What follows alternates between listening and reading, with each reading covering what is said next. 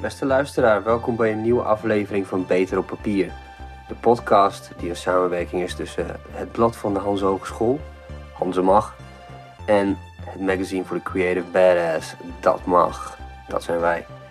En een Creative Badass heb ik tegenover mij deze aflevering, want ik ga het gesprek aan met niemand minder dan Hugo Tromp. Hugo Tromp is eh, labelbaas bij Hunting Records, een echte Grunninger. Uh, hij werkt voor Orange Studios, heeft uh, de intro muziekjes gemaakt voor um, Tomorrowland onder andere. We noemen hem ook wel de Groningse Hans Zimmer. En um, samen met zijn trio Klankveld is hij recentelijk nog resident geworden van de Markantine.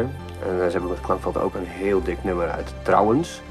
Dus check die shit op Spotify Soundcloud of wherever. En um, we hebben het over filmmuziek, over uh, niet drinken en uh, van alcohol. Hoe dat bevalt, want Hugo is al sinds januari niet meer aan het drinken. Ehm, we hebben het over Tolstoy, Dostoevsky en The Terminator en The Predator. Alles komt even langs om de hoek kijken. Heel tof gesprek. Het was echt een toffe avond. Check die shit. En uh, voordat we daar nou naar overgaan, nog wat huishoudelijke mededelingen. We zijn sinds deze week op iTunes te horen. Maar ook dus op Spotify zoals daarvoor. En Podbean en Soundcloud. Dus check ons. Uh, ik ben Theo, je host. En dit was uh, mede mogelijk gemaakt door mijn tech team. Jasper Bosgraaf en Irie Weringa. En nu, beter op papier, Hugo Tromp.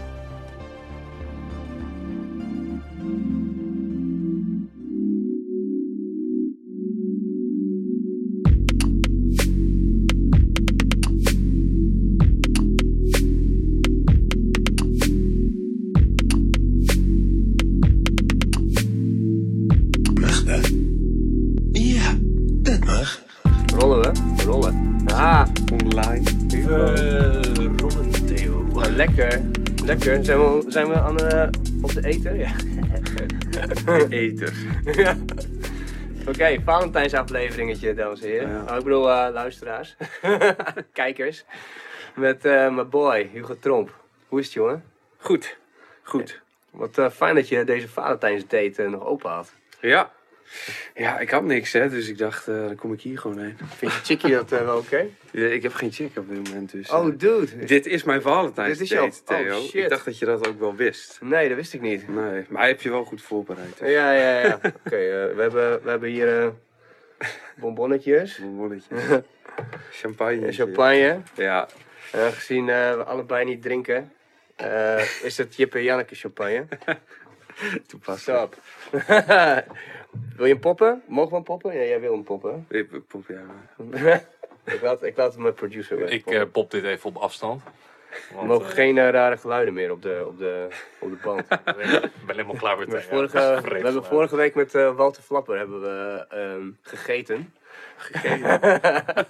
oh, dat was geen succes. Oh. Ja, het was, ja, de podcast was wel een succes, maar ja. qua, qua producer was de het... geluiden. ja, cool, cool, oh ja. Fair enough. Hoe lang drink je al niet meer, man? Um, sinds 1 januari. Of eigenlijk sinds 2. Okay. Sinds het nieuwe jaar. En... Maar ik heb wel besloten mezelf één green card per maand te geven. Oké. Okay. Ja. Laf. Ja, ja, ik had er met mensen over. Ik dacht van ja, want ik wou sowieso maar vijf maanden ja. tot juli. Maar ik dacht van ja, ik kan het of helemaal niet doen. Of ik kan ook gewoon een feestje per maand meepakken die wel tof is. Ja. Want ja, de reden is ook. Zeg maar ja, de reden is ook niet dat ik gewoon niet met alcohol om kan gaan of niet veel drinken of zo. Ja. De reden is dat ik gewoon wil focussen en gewoon Mhm. hard wil werken. Dus ja, waarom zou je dan niet even één keer per maand even lok gaan? Ja. ja, dat vind ik wel een goeie. Want uh, voor mij is het nu echt. Nou, ja, volgens mij wel echt letterlijk twee jaar geleden. Dat ja, ik, uh, echt? Ja, dat ik gestopt ja. Ik heb, wel- ik heb Wow. tussendoor wel, wel een keer, ik ben drie keer of zo nog een beetje aangeschoten geweest. Eén keer bewust, twee Ja. keer per ongeluk. Oh. Ja, maar dan, dat is super grappig, want dan, ik, ik was ook totaal niet iemand die, ja, zo, ja, gewoon één keer in de week, weet je wat je normaal gesproken Ja. doet. Zo, weet je, niet echt eh probleem, maar wat jij ook zegt, gewoon focus en Ja. je ligt er toch wel echt af. Ja. Dag, dus je moet, ja, het is gewoon, dat achtervolg je. Maar heb je ook niet zoiets van, ik doe, ik doe het gewoon wel op een feestje? Oh man, hoe langer ik het niet doe, hoe langer ik het, ik- het niet doe, de meer ik zoiets zeg van, hoe heb ik dat ooit zo lang heb kunnen doen? Ja, echt? Ja, die shit is zo fucking poisonous. Ja, ja. Heb jij dat, ik weet niet, jij doet het nu, dus het is voor jou ook alweer zeven weken of zo? Zes, zeven weken? Ja, had, je, zoiets, had je niet zo'n kraakhelder moment dat je op een ochtend wakker werd en dat in één keer... Nou, ik, ik had gewoon voor mezelf gezegd van vanaf het nieuwe jaar ga ik dus niet meer drinken. Ja. Maar nee, ik merk wel dat het gewoon veel lekkerder is. Maar ik merkte ook dat bijvoorbeeld op een feestje hier, Ja. toen iedereen wel gewoon dronken was en gewoon hard ging. Ja, het is toch minder gezellig. Vind je dat? Ja, ik ga toch om vier uur dan naar huis. In Vier uur, van... best wel laat op zich. Ja, ja, ja. Maar normaal ga je tot zes uur dan door of zo. Eh, Volgens mij kan je hem met die stoel wel dicht doen. eh. Sorry, ja. Onze livestream master die, eh, die heeft last van de tocht. Oh, Ja.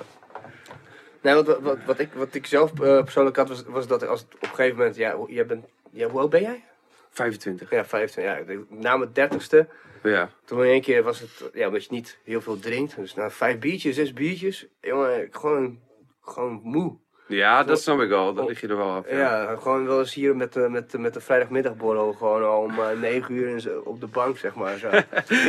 dus Ja, toen had ik het wel gehad, zeg maar. Ja. Ja, maar ehm, ja, de ervaring wat ik wel, ik weet niet of jij dat ook hebt, dat je als je dus niet, niet drinkt in het begin vooral, Ja. dat de sfeer nog, op het moment dat je gewoon iets in je handen hebt, want je hebt zoveel routine daarmee, zeg maar. Ja, ja. Dus eh, dat, dat, je, dat je niet eens door hebt dat je eh, niet aan het drinken bent. Want de Mm. sfeer gaat omhoog en eh, iedereen wordt gezelliger. En dan is, het, is er een bepaald punt dat mensen Ja. twee, twee keer dingen gaan zeggen. Ja, En vanaf dat punt is het zo... ja dat, dat klopt wel, ja. ja. ja het, het valt ook natuurlijk wel mee. Want tot op een heel groot deel van de avond ben je, ga je gewoon lekker. En dan merk je niet. Maar op een duur toch wel, als iedereen gewoon naar de getver is. Ja, de- dat is, Dan dat is is eh, het, eh, idiot uh, klok. Ja, precies. Ja. Dan Uurtje, wordt het wel uurtje of heftig, drie, zeg uurtje maar. of drie is Ja. idiot. Ja, dan, dan klapt alles bij iedereen. Ja. En dan is het... Ja. ja. Nou ja. Maar, maar, maar deed je het ook alleen voor de focus dan? Of deed je het ook omdat je het niet chill vond? Of... Nou, ik hoorde op, een keer op een podcast van, van iemand die vertelde over een held van hem, een econoom, die op een gegeven moment was gestopt met drinken. En toen dacht ik van, hé, hey, dat is helemaal niet in me opgekomen. Ik voel me best wel schuldig dat ik af en toe substanties gebruik, zeg maar. ja. Maar eh, niet, maar niet drinken was nooit in me opgekomen. Dus ik dacht van, hè, dat is misschien wel een, een, een ehm, ja, dat heb ik nog nooit gedaan. Dat zou wel eigenlijk wel chill zijn om dat niet te doen of zo. Maar dan helemaal Ja. niet in je achterhoofd beseffen wat, je, wat, wat voor effect het heeft. Want je denkt van, het heeft een heel klein effect. Want Ja. bent- als je wakker wordt en je bent brak en je hebt ook andere dingen gedaan, dan ben je super Ja. brak. Ja, Maar toen ik dus stopte met, dri- met drinken, dat was in het begin omdat ik dan heel veel borrels achter elkaar had. Ook voor Sikkom werkte ik toen nog. Ja. En, eh, ik zou toen naar Berlijn gaan. En Ja. ik dacht van ja, dat is over zes weken. En dan kom ik en ik heb iets van zeven borrels staan. Ja, ik ga dan helemaal ja, stuk, kom ik daar aan. Dat ik gewoon, dit is een perfect moment om een stuk te schrijven over niet drinken.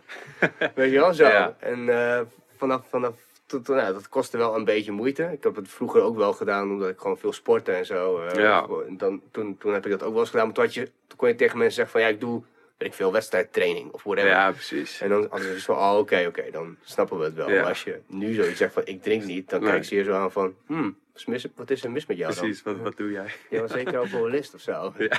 Nee. ja, Ja, nee. inderdaad. Ja, ja. Maar goed, genoeg over mij, nu over mij. maar ehm, jij bent, eh, de, ik vertelde net aan uh, Irie van, ken je Hugo? Dat is, hij is een vette, dat is, hij is zo nee, ik zei nou, dat is een vette baas. ja, ik ben grappig ook wel eens dat je de Groningse Hans Zimmer bent. ja, En je bent ook labelbaas van Haunting Records. ja, zeker. En vertel, wat doe je allemaal? Ja, ik heb toevallig vandaag weer mijn eh, YouTube-channel opgestart. Waar ik al die eh Hans Zimmer dingen op deed. Oh, cool. Ja, Hoeveel, hoeveel abonnees had je daar nou op? ja, ik had zeg maar... In je hoogtijdagen? Ja, ik was heel lang geleden begonnen. En op het duur had ik in totaal iets van 2,5 miljoen views. En iets van 5000 subscribers of zo. Dus dat was wel heftig. Ook echt met fanmail en mensen. Maar die heb ik toen op een duur verwijderd, omdat ik er niet helemaal meer achter kon staan, de muziek die ik maakte. En dat ik toen ook al gewoon, ja, ik had toen gewoon een, een soort van baan al. En ik dacht van ja, ik ga die hele ring denk ik gewoon offline halen. maar toen heb ik echt wel 30 mailtjes gekregen van mensen die zeiden, ja, was je muziek, ik luister het altijd. Dus, maar ik sta er nog steeds wel achter dat ik het heb gedaan. Maar ik heb dus vanmiddag toevallig weer voor het eerst dus in drie jaar een nieuwe track geüpload op YouTube. Ja. En gelijk één comment van een boy die zei van... Yo, sicke track, eh, jammer dat je andere shit offline hebt gehaald. Wauw. Dus, Dus dat die, vond ik wel heftig. is. Ja. Maar vertel, vond voor de mensen die niet weten wie Hans Zimmer is, dat is gewoon eh, filmmuziek, zeg maar. Gewoon heel heroïsch. eh, Ja, ja, ja. Ja, toen, toen ik klein was, was een beetje... Ik begon een beetje op een gekke manier met muziek. Ik was dus altijd... Of ik begon eigenlijk met filmpjes maken. En op een duur hadden we dus een film gemaakt, maar we waren te skeer om de hele film te maken. Dus hadden we gewoon een trailer gemaakt. ja. Die hadden we gewoon op YouTube geknald. Maar er moest muziek bij. Dus toen ging ik zoeken op trailermuziek.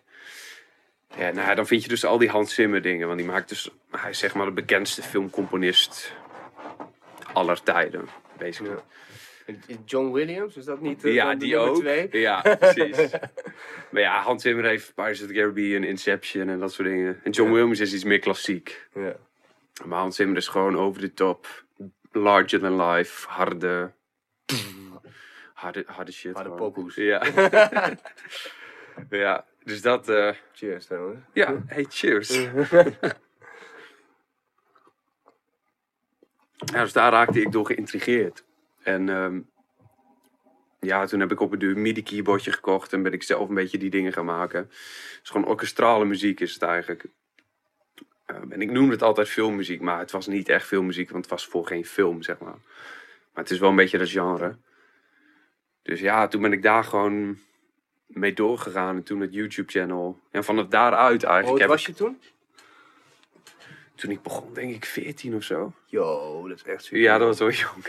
Volgens mij hebben we het hier wel eens een keertje eerder over gehad. Zo van, Ja. als, je, als je zo jong begint, dan heb je zoveel hobbels op de weg al gehad op je twintigste of zo. Ja, ja het heeft het ook lang gekost om dat kanaal dus groot te maken. Maar eh, ja, en toen daaruit heb ik ook mijn, mijn huidige soort van samenwerking, baan gekregen.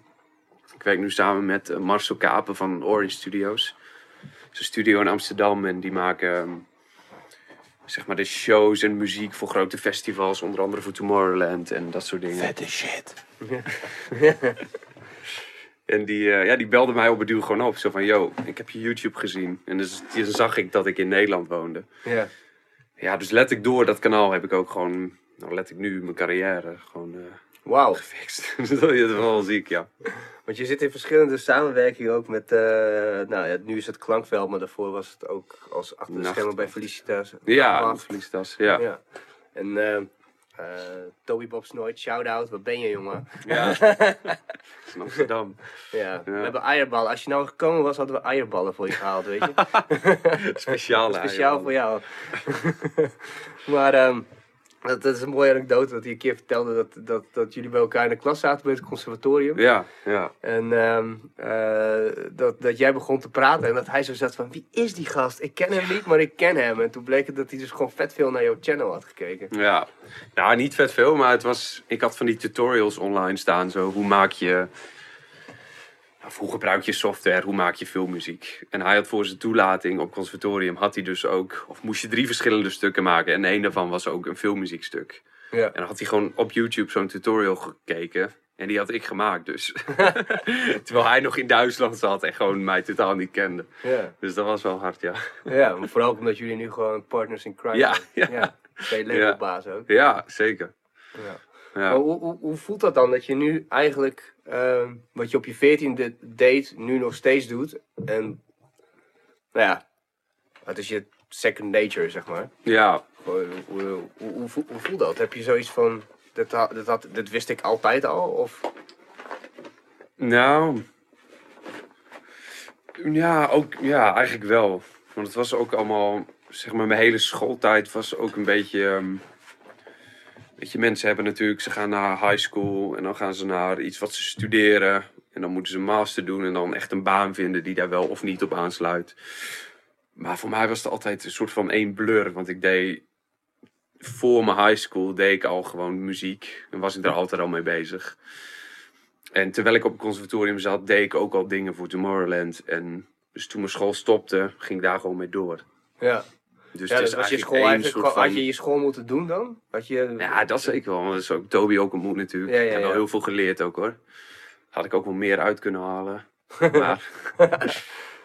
ja, dus ik deed altijd al mijn eigen ding. Dus toen ik klaar was met studeren, voelde het ook niet zo van... Oh yes, nu mijn diploma. Maar het was gewoon oké, nu heb ik hem en nu ga ik door met wat ik deed. Was het moeilijk? Vond je het moeilijk? Waren er challenges tijdens je studie? Of ging het je wel van je leien dakje, zeg maar? Nou, wat ik moeilijk vond, want ik zat met Rick en Troy in de klas dus. Oh ja, Ja, we zaten met z'n drieën in de klas. shout-out. Ja. Vol en... eh Voor een wat, ja, Jupiter June. Troy, Jupiter ja. Troy, als in... eh, Troy UNESCO. Troy UNESCO, ja. De Troy. De Troy. De, de Troy, ja. Troy Detroit. Ja, Troy Mule. What's up, G? Ja. Ja, dus ik, ik zat met hen in de klas en zij zijn natuurlijk een stukje ouder, waren ze al. En zij hadden echt heel erg een soort van identiteit met wat ze deden. Want Rick maakt met vol natuurlijk super harde dingen. Maar die klinken ook gewoon als hij. Zeg maar, Rick's muziek, als je hem ziet, dat, dat is ook gewoon Rick. En hetzelfde met Troy ook wel. Ja, jij kent ze beter dan ik, dus ik kan Ja. niet gelijk... Ja, ik heb laatst op ons feestje, toen helemaal op het einde, toen was Troy nog over, dat hadden zat. Ja. Maar die heeft, die heeft, ik heb hem toen wel gedwongen om die Jupiter Dunes eh tunes Ja. te laten horen. En ook van die andere band van hem. Dat- Mm, mm. Ja, dat is wel vet. Hij snapt ook wel die funky groove en zo. Ja, Dat precies. Ja, Van vol, ja, dat Rick ken ik niet zo goed. Dat, is, eh, maar ja, goed, ik heb hem natuurlijk wel eens live gezien. Trompetjes. ja toetsen. precies. Ja. ja, die maakt zulke... Hij maakt gewoon echt eigen shit, Rick. Gewoon echt best wel unieke... Ik heb nog een keer ehm, zijn eh Sint. Eh, hij deed toen een live set in het Grand Ja. Theater met Ja, Clash. Die heb ik Clash, toen... Ik was eigenlijk al lang vrij, maar ik dacht, weet je wat, fuck it, ik help die artiesten wel. En ehm, ik heb die jongens van... eh, ik heb jullie toen opgevangen ook nog. Ja. Ik wist ook niet wat de fuck was los. Dus eh, ik dacht, nou hier heb je je kleedkamer. Ja, Zuip al speelden bier maar op. Ja.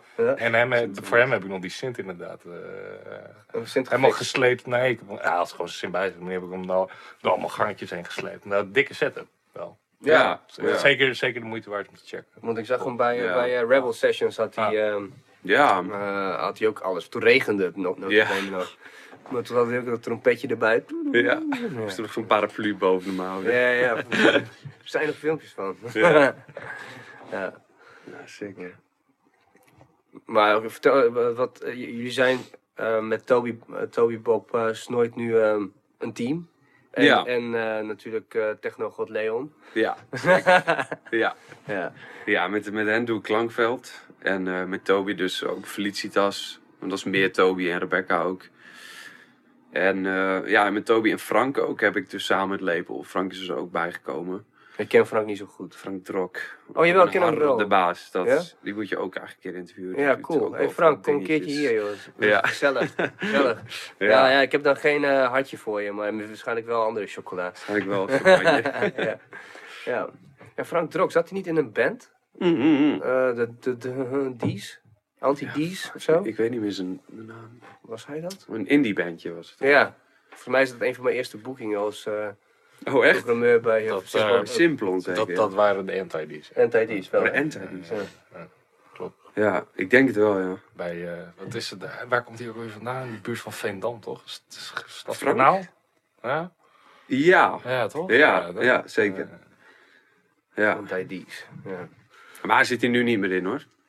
En hij doet nu, eh, zeg maar, hij is nu de manager van Klankveld. En van Haunting Records doet hij ook. eh, Hoe gaat het daarmee? Ja, dat gaat best wel goed, ja. Dat gaat steeds eh, harder. Ook met het label nu. We hebben, zeg maar, dit jaar echt een paar harde releases eh, gepland. En met Klankveld steeds meer optredens. Dus dat gaat best wel hard, ja. Dus Klankveld is eigenlijk nu jullie main focus. Nou, persoonlijk is het een beetje tussen eh, zeg maar, het label gebeuren en Klankveld en mijn commerciële werk voor, voor Marcel, voor Orange Studios. Dus Oh ja. Oh ja. Dat is een beetje waar tussen ik shift. Nou ja. Dus Klankveld is een beetje eh, wat ik zelf leuk vind en mijn commerciële werk, nou, vind ik ook super leuk. maar dat daar verdien ik gewoon geld mee. Ja, Dus precies. Dat is een Ja. verschil nog. ja, ik heb dat ook. Gewoon schrijven voor monies. Mm. Schrijven Ja. voor dat mag. Ja, precies, ja. Of tegenwoordig opnemen voordat mag. Ja, precies. Ja. Podcast maken. Ja, vet. Maar ehm ja, ga, ja, eh, want die Or- Orange Studios, kan je wat, wat, wat een beetje vertellen wat je, wat je daar, wat Ja. voor shit jullie dan doen? ja, ik werk nu al vijf jaar of zo met hem samen. En hij, ja, hij heeft een studio en hij maakt zeg maar concepten voor festivals. Dus voor Tomorrowland doet hij het hele concept eromheen. Dus met licht en geluid en creatieve gebeuren eromheen. Dus ik maak ook alle trailermuziek daarvoor en alle eh, intro's voor de DJ's op het festival. Oh, dat is best wel veel werk. Ja, ja, dat is elk jaar een kapot grote klus. Het begint nu ook alweer. Dus net weer begonnen, de trailer weer. Dus, eh, maar het is wel heel vet. Hoe begin je dan? Wat is het? Krijg je dan beelden of zo? Of? Ja, dan krijg ik gewoon een soort concept aangeleverd van dit is het concept van dit jaar. En dan moet ik daar gewoon eh, intro's bij maken. En voor de trailer krijg ik al een soort van storyboard en daar moet ik dan muziek op maken. En dan gaan ze dan op editen. Ja, want wat ik echt wel benieuwd naar ben, omdat, nou ja, goed, ik ben ook begonnen met schrijven rond mijn tiende of zo. Ja, Dus ehm, we hebben het er al een keer over gehad, zeg maar. Dat als je, als je zo heel vroeg begint, dat, dan, dat je een bepaald stijltje hebt of zo. En dat bouw je steeds meer uit en steeds Ja. meer uit. Maar heb je dan... Kijk, ik heb als ik schrijf, heb ik van die formules. Zo van, oké, ik begin dan en dan... Soms heb ik gelijk in de lead of zo van mijn stuk al zoiets dat ik denk van, ah, het wordt zo'n soort stuk, zeg maar. ja, En soms denk ik van, dan schrijf ik, begin ik te schrijven en denk ik van, nee man, dit, dit, dit is bullshit. Het moet dit zijn. En dan Ja. weet je het ook gelijk, zeg maar. ja. Maar het is wel een bepaald format wat je voor jezelf ooit een keer in je hoofd hebt. Heb je dat ook met, met, met componeren? Ja, zeker. Ja, op een duur ontwikkel je natuurlijk gewoon dingen en techniekjes. En ik, ik kan het ook gewoon super snel doen, weet je wel. Ik, ik doe het al zo lang. Dus maar de uitdaging is dan wel om wel het ook goed te blijven doen. En ook wel jezelf blijven vernieuwen, vind ik altijd. Tuurlijk, dat moet je doen, maar je moet gewoon vooral scherp blijven op dat het goed is. Want ik merk wel soms dat, dat je denkt van, ah, eens even een trailertje. Je flanst wat in elkaar. Terwijl het eigenlijk, als je het net even anders doet, kan het nog veel harder zijn. Ja. Dus het is juist ook goed dat je een soort van eh, structuur hebt waar je altijd op terug kan vallen. Ja. Maar je moet ook wel per project wel iets nieuws bedenken wat goed werkt, zeg maar. Ja, dat is altijd een beetje zo'n een beetje... dunne lijn. hè. Ja. ja, ja, klopt. Ja. Ja. Want ik heb, ik, dat, was, dat was heel grappig. Dat, ehm, ik heb dus blijkbaar ook bewust, maar onbewust, bewust, zeg maar, Ja, een eigen stijltje. Met, Ja. met schrijven, daar voel ik me veilig bij. Ja, dan, eh, is gewoon mijn ding. Als ik even snel iets moet, dan doe ik het zo. ja, En ehm, ik las dus, nou, af- afgelopen zomer, eh, toen we op vakantie waren, toen, toen zat ik op de Hansemag eh pagina te kijken en er was er één keer een stuk. Mm. En ik begon dat te lezen. En omdat ik zo best. Ik heb wel eens van die periodes als ik, dat ik zoveel geschreven heb dat ik me niet eens meer kan herinneren dat ik een stuk heb geschreven. Dus ik zat zo'n stuk zo te, te lezen. En ik denk van. Ik weet 100% zeker dat ik dit niet geschreven heb. Maar dit, is, dit ben ik, zeg maar. What the fuck is dit, weet je? zo van, echt gewoon van die... Ik doe heel vaak, dan, dan laat ik iemand praten of zo. En Ja. dan doe ik gewoon stilte, punt. Ja, Weet je wel? Zo. En dat zijn van die trucjes die, je dan, ja, doet. ja, En soms werkt het en soms is het een beetje plastic. Ja, dat weet je ook wel van jezelf. ja. Maar ik, ik zat het echt te lezen. Ik zei, hé, dit is... eh, dit is vaak dan, dan van, oh ja, dat is dat ene stuk of zo. Oh, ik was vergeten dat ik dat gedaan heb, maar ja. netjes gedaan. Ja. Weet je maar nu, ja, ik, ik, kwam, ik kwam er gewoon niet over uit. En Toen zei ik dat later op kantoor hier. En toen zei eh, Tom, shout-out naar E6. die, die zei van, oh ja, Chris, onze, onze hoofdredacteur, die zei al van, eh, van dat hij een stuk à la Theo had geschreven. Oh. Ik zei zo, shit jongen, dat was ook echt gewoon, what the fuck. maar heb jij dat ook? Heb je ook zo'n zo'n stijltje als iemand, dat, dat iemand het- eigenlijk dat geraamte zou kunnen kopiëren? Dat je denkt van, hé, hey, dit ben ik. Wie de fuck zit er aan mijn shit? Ja, wel een beetje.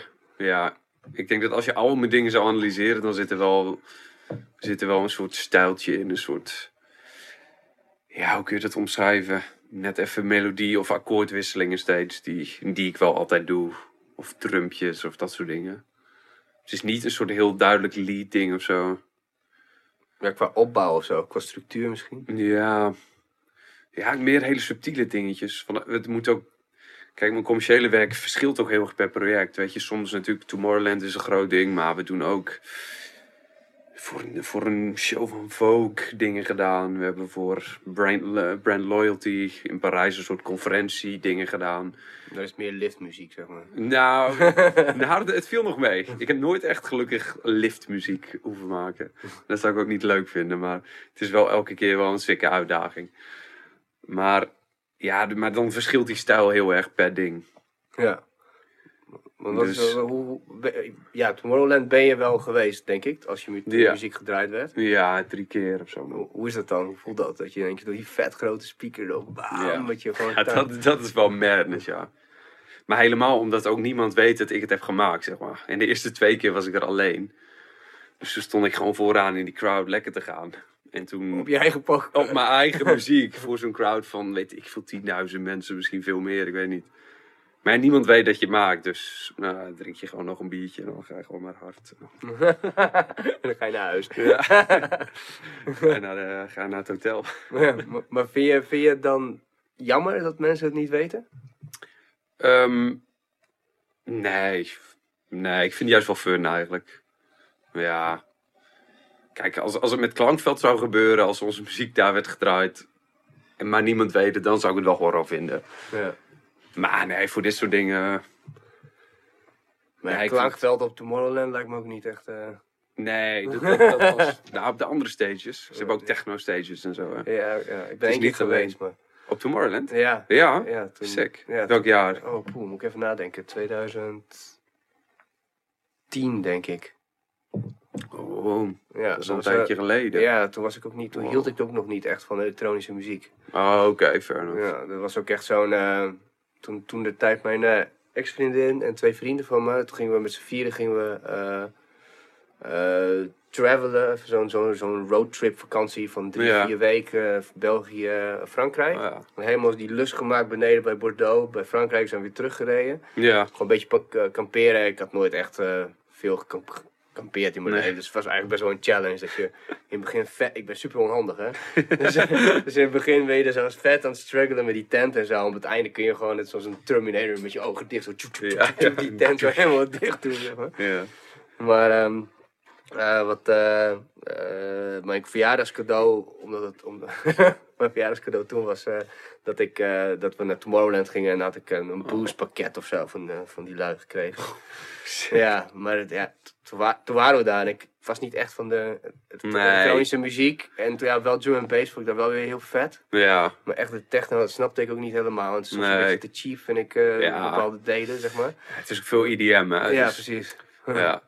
Maar eh, ik, ik weet nog wel dat we toen, eh, nou, echt een, een fles, wat het dan, want je kon heel goedkoop whisky halen. Dus hadden we op een gegeven moment, die vriend van mij en ik hadden echt zo'n hele fles gewoon naar binnen getankt. En hij is zo heel klein, en best wel buffed. Dus die was ook, eh, die, die- als hij vet bezopen is, dan gaat hij zeg maar op zijn achterrug hangen. Zo. Dus die liep ook een beetje zo, zo'n boutje, Oh, zo rond gewoon de hele tijd. Die was gewoon vet gone. Ja, ja.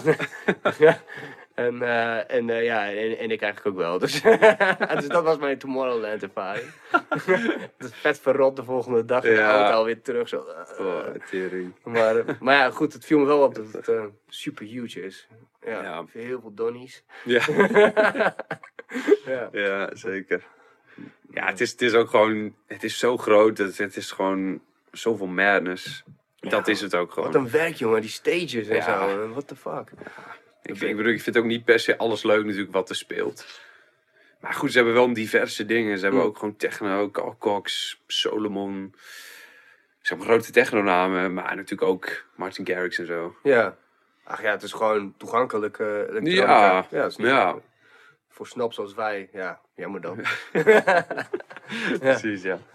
Ja, dat is wel Ja. goed dat je, dat vind ik wel mooi, dat je het gewoon wel begrijpt, zeg maar. Het is gewoon, ook in die hele cheese muziek is er heel goed en Ja. heel, ja. Ja, zeker. Ja, dus dat is, Ja, ja ik, ik ga ook echt wel hard op sommige IDM hoor. Dat mag ik in de techno scene niet echt zeggen. wat Dan noem eens eentje. uitgelachen. Nou, als ik zeg dat ik bijvoorbeeld tracks van Martin Garrix wel hard vind of zo, dan... Al die muziekpuristen, dan moet je... Nee, dat, ja, dat doe ik niet. pas op jongen, iedereen gaat je een. vet shamen jongen op ja. Facebook. Dit is nu vereeuwigd.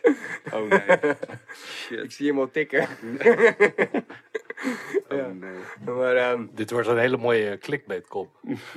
Hugo Tromp. groot van Martin Houdt Garrix. van, ja. Labelbaas Hunting Records. Oh my god. Ja. De, eh, Hunting Records, bestaat dat ondertussen twee jaar? Drie jaar? Twee jaar? Ehm, ja, ik denk twee jaar. Fun fact, het is een beetje, het idee is een beetje hier op kantoor ontstaan, toch? Ja, door Tom eigenlijk Ja. ook. We waren een keer in de Vera. En toen zei Tom van, jongens, jullie moeten gewoon een label gaan maken. Maar ja, we wisten ook niet echt wat een label was. Van ja, hoe- je kunt wel je eigen label gaan maken, maar je hebt ook gewoon grotere labels. Dus je gaat zelf ook geen promotie doen en zo, dachten we. Maar stiekem is het toch wel hard. Maar je gaat natuurlijk... Ja, de techno-scene is het ook weer anders, want het is meer een soort van identiteit of zo. Maar je kunt ook nog op andere labels releasen, maar wel je eigen identiteit houden. Dus we werken nu samen met ook andere boys die echt super harde tracks maken. Maar leg eens uit hoe dat zit, want ik, ik snap dat ook niet helemaal. Nee. Nou, dus Frank, Toby en ik hebben gewoon met z'n drieën, eh, of Toby en ik eigenlijk in het begin gezegd van oké, we zijn Haunting Records, we zijn nu het label. En Frank is daarbij gekomen. Maar is het dan, ben je dan een BV, of ben je een VOF, of ben je een... Je, nee, je bent niks Je bent daarvan. niks, het is gewoon een naam. Ja, Een nou. V- VOF willen we worden, ja. Maar het maakt niet uit, je kunt ook niks hebben. Het is gewoon een naam die je bij Spotify en zo ziet. Oh ja.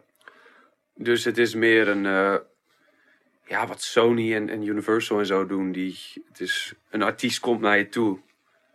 En die zegt: Yo, ik heb hier hele vette tracks. En deze wil ik gaan releasen. En dan ga jij zorgen hoe komt er op Spotify, hoe komt er op. Tidal, weet ik veel, niet dat. Maar hoe komt er op alle streamingplatforms en hoe ga je promotie doen met Facebook, eh, advertisements en zo. Optredens regelen, dat soort dingen. Ja.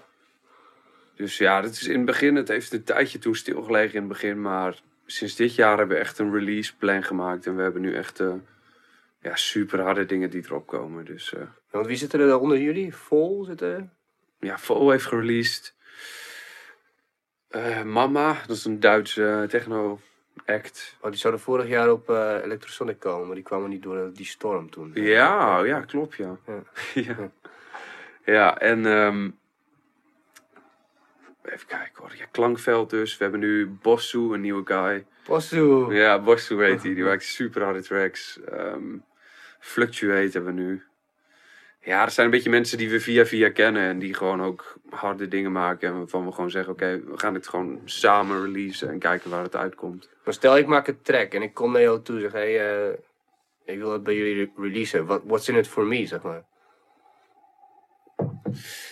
Ehm, Krijg ik een vinyltje voor jullie? Of ga je me extra eh, 10 euro eh, gewoon... eh, Nou, eh, we zijn nu nog zo klein dat er financieel nog niet veel in zit. Alleen het is wel zo dat Frank bijvoorbeeld wel harde contacten heeft bij eh, distributiekanalen. Bijvoorbeeld, hoe krijg je dingen in playlists? We staan bijvoorbeeld met Klankveld hebben we in de Mixmag Best Techno playlist van op Spotify Oh, staan. Dat soort dingen. Dus die contact heeft Frank. Ehm, we hebben ook zelfs een keer in de Spinning Records playlist gestaan met Klankveld. Ehm, ja, en we hebben nu gewoon, we willen ook weer een label night gaan doen waarin we zeg maar met alle artiesten gaan optreden. En Frank is natuurlijk een soort van onze boeken, dus hij kan ook zorgen dat je als artiest bij bepaalde venues wordt geboekt. Vet. Ja, En, eh, en, eh, dus gewoon een netwerk is het ja. eigenlijk. ja. en, en- en de label night, ga je, gaan jullie dit keer in Amsterdam doen? Of, eh, We willen het in Groningen doen eigenlijk. Nice. Maar het is nog niet zeker. Maar eh, ja, het is wel zeker dat dat wat we willen doen en ook snel voor de zomer. ja. Maar er wordt gewoon een avond met onze ex dus. En dat wordt, ja, dat wordt wel super hard. Oké, cool. Ja. Want eh, kun je een beetje uitleggen wat klankveld is? Voor de mensen die het Ja. niet weten. Ja, we zijn een, een trio, we zijn met z'n drieën en we maken eigenlijk live elektronische muziek. Maar we maken eigenlijk vooral techno. Ja. Dus voor mensen die er echt misschien heel weinig van weten, zijn we eigenlijk gewoon DJ's. Dat is het ding. Alleen we, we, we zijn niet echt DJ's omdat we geen platen draaien, maar we maken echt alles zelf live. Ja. Dus dat is een je beetje dus geen, je bent dan geen discjockey dan, toch? Nee, maar Ja. iedereen zegt wel altijd dat we DJ's zijn. Dus het is een beetje... Het zijn producers, mensen. Het zijn geen DJ's. ja, producers en live performance. ja. Live performers. Eh, wat wil je, want je maakt met synthesizers en, en je samplers maak je gewoon sounds. Ja, En klinkt het iedere keer een beetje anders? Of is het... ja. Ja? Dus wel een jam, zeg maar. Een soort. Ja, nou precies, dat is het ding. En dat is ook wel het unieke aan Klankveld, is dat we... Leon, de technogod Leon, heeft Ja. al zijn drummachines, dus hij doet echt de drums. ja. En gewoon de harde kicks en zo. En Toby en ik hebben dan allebei de tonale dingen, dus de synthesizers en de arpeggios en dat soort dingen. Maar we maken alles dus echt live, dus ehm, we hebben dan wel bijvoorbeeld bepaalde ehm, clipjes of zo van acht maten die we triggeren. Maar Mhm. Toby speelt bijvoorbeeld dingen live en we moeten dus ook echt naar elkaar luisteren van wat past bij elkaar. Ja. Dus in die zin is het gewoon een jam van twee uur of zo. En dan moeten we zorgen dat het dus niet inkakt en dat het dus een mooie lijn erin zit. Maar heb je dan, eh, als ik bijvoorbeeld eh, naar een van jullie optredens ga en ik ga daarna een week later weer, is het dan Ja. dezelfde lijn die ik dan weer zie? Of is het gewoon, kan het compleet iets anders zijn? Ja, het is altijd heel anders. Hangt ook van de avond af. We speelden in Hamburg bijvoorbeeld vorige week van half vier tot half zes. Of zelfs half vijf tot half zeven. Dan moet je echt hard, hard gaan. ja, dan moet, je, dan moet je wel harder gaan. Ja. Ehm, ja, dus het hangt een beetje ook van de avond af. Maar ja, we hebben dus allemaal... Het is alsof je een soort van duizend puzzelstukjes hebt. En elke keer maak je weer een andere puzzel. Dus de, de uitkomst is altijd anders, zeg maar. Want wat, wat, wat voor apparatuur heb je precies? Of precies, ja. Gewoon een beetje om een beeld te Ja. krijgen van wat, wat er allemaal op tafel zit, zeg maar. Nou, Leon heeft dus twee drum machines. Dus daarmee kun je drums maken, dus kicks en, en hi-hats en zo. En ehm, ik heb de mixer. Dus bij mij komen alle kanalen samen. Het zijn vier kanalen. Want één eh, een kanaal is apart voor de kick.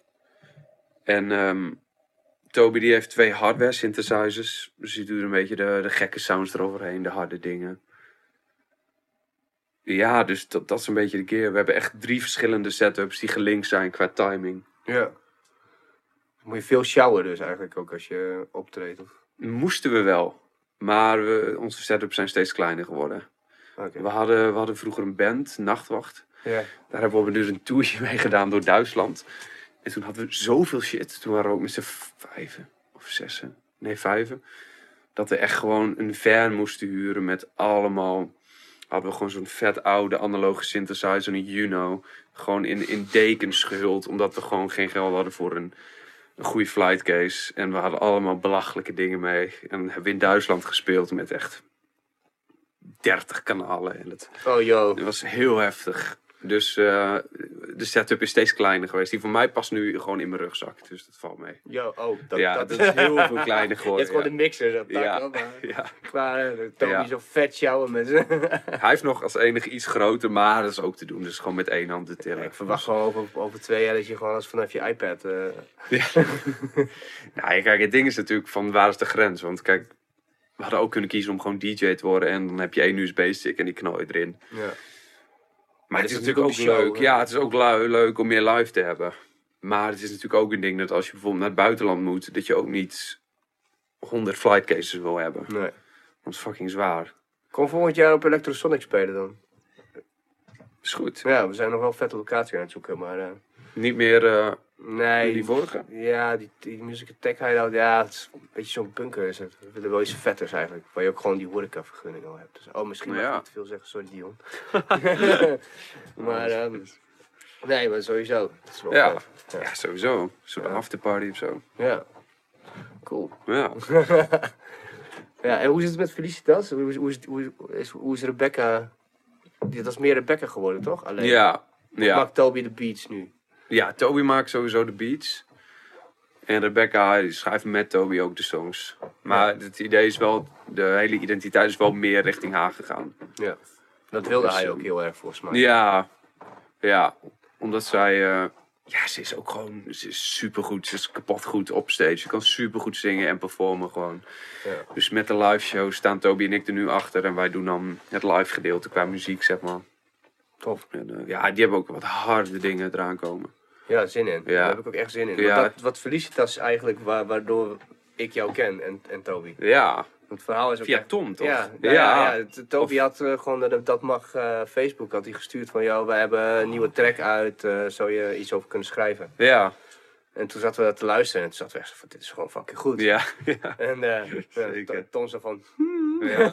Zo van yes, dit, Ja. dit is mijn ontdekking. Ja, En gelijk er mee vandoor gaan. ja. En, eh, en ja, ik denk als ik zeg van wij kennen elkaar en dan zeg jij van meld. Ja, klopt ook, maar, ja. maar ik zeg van ik ken jou van een remix van Felicitas. Omdat Toby hem ja, daarna had gestuurd hierheen. En toen zei Tom van Yo, het is echt zo'n goudmaatje. Blijf maar komen, joh.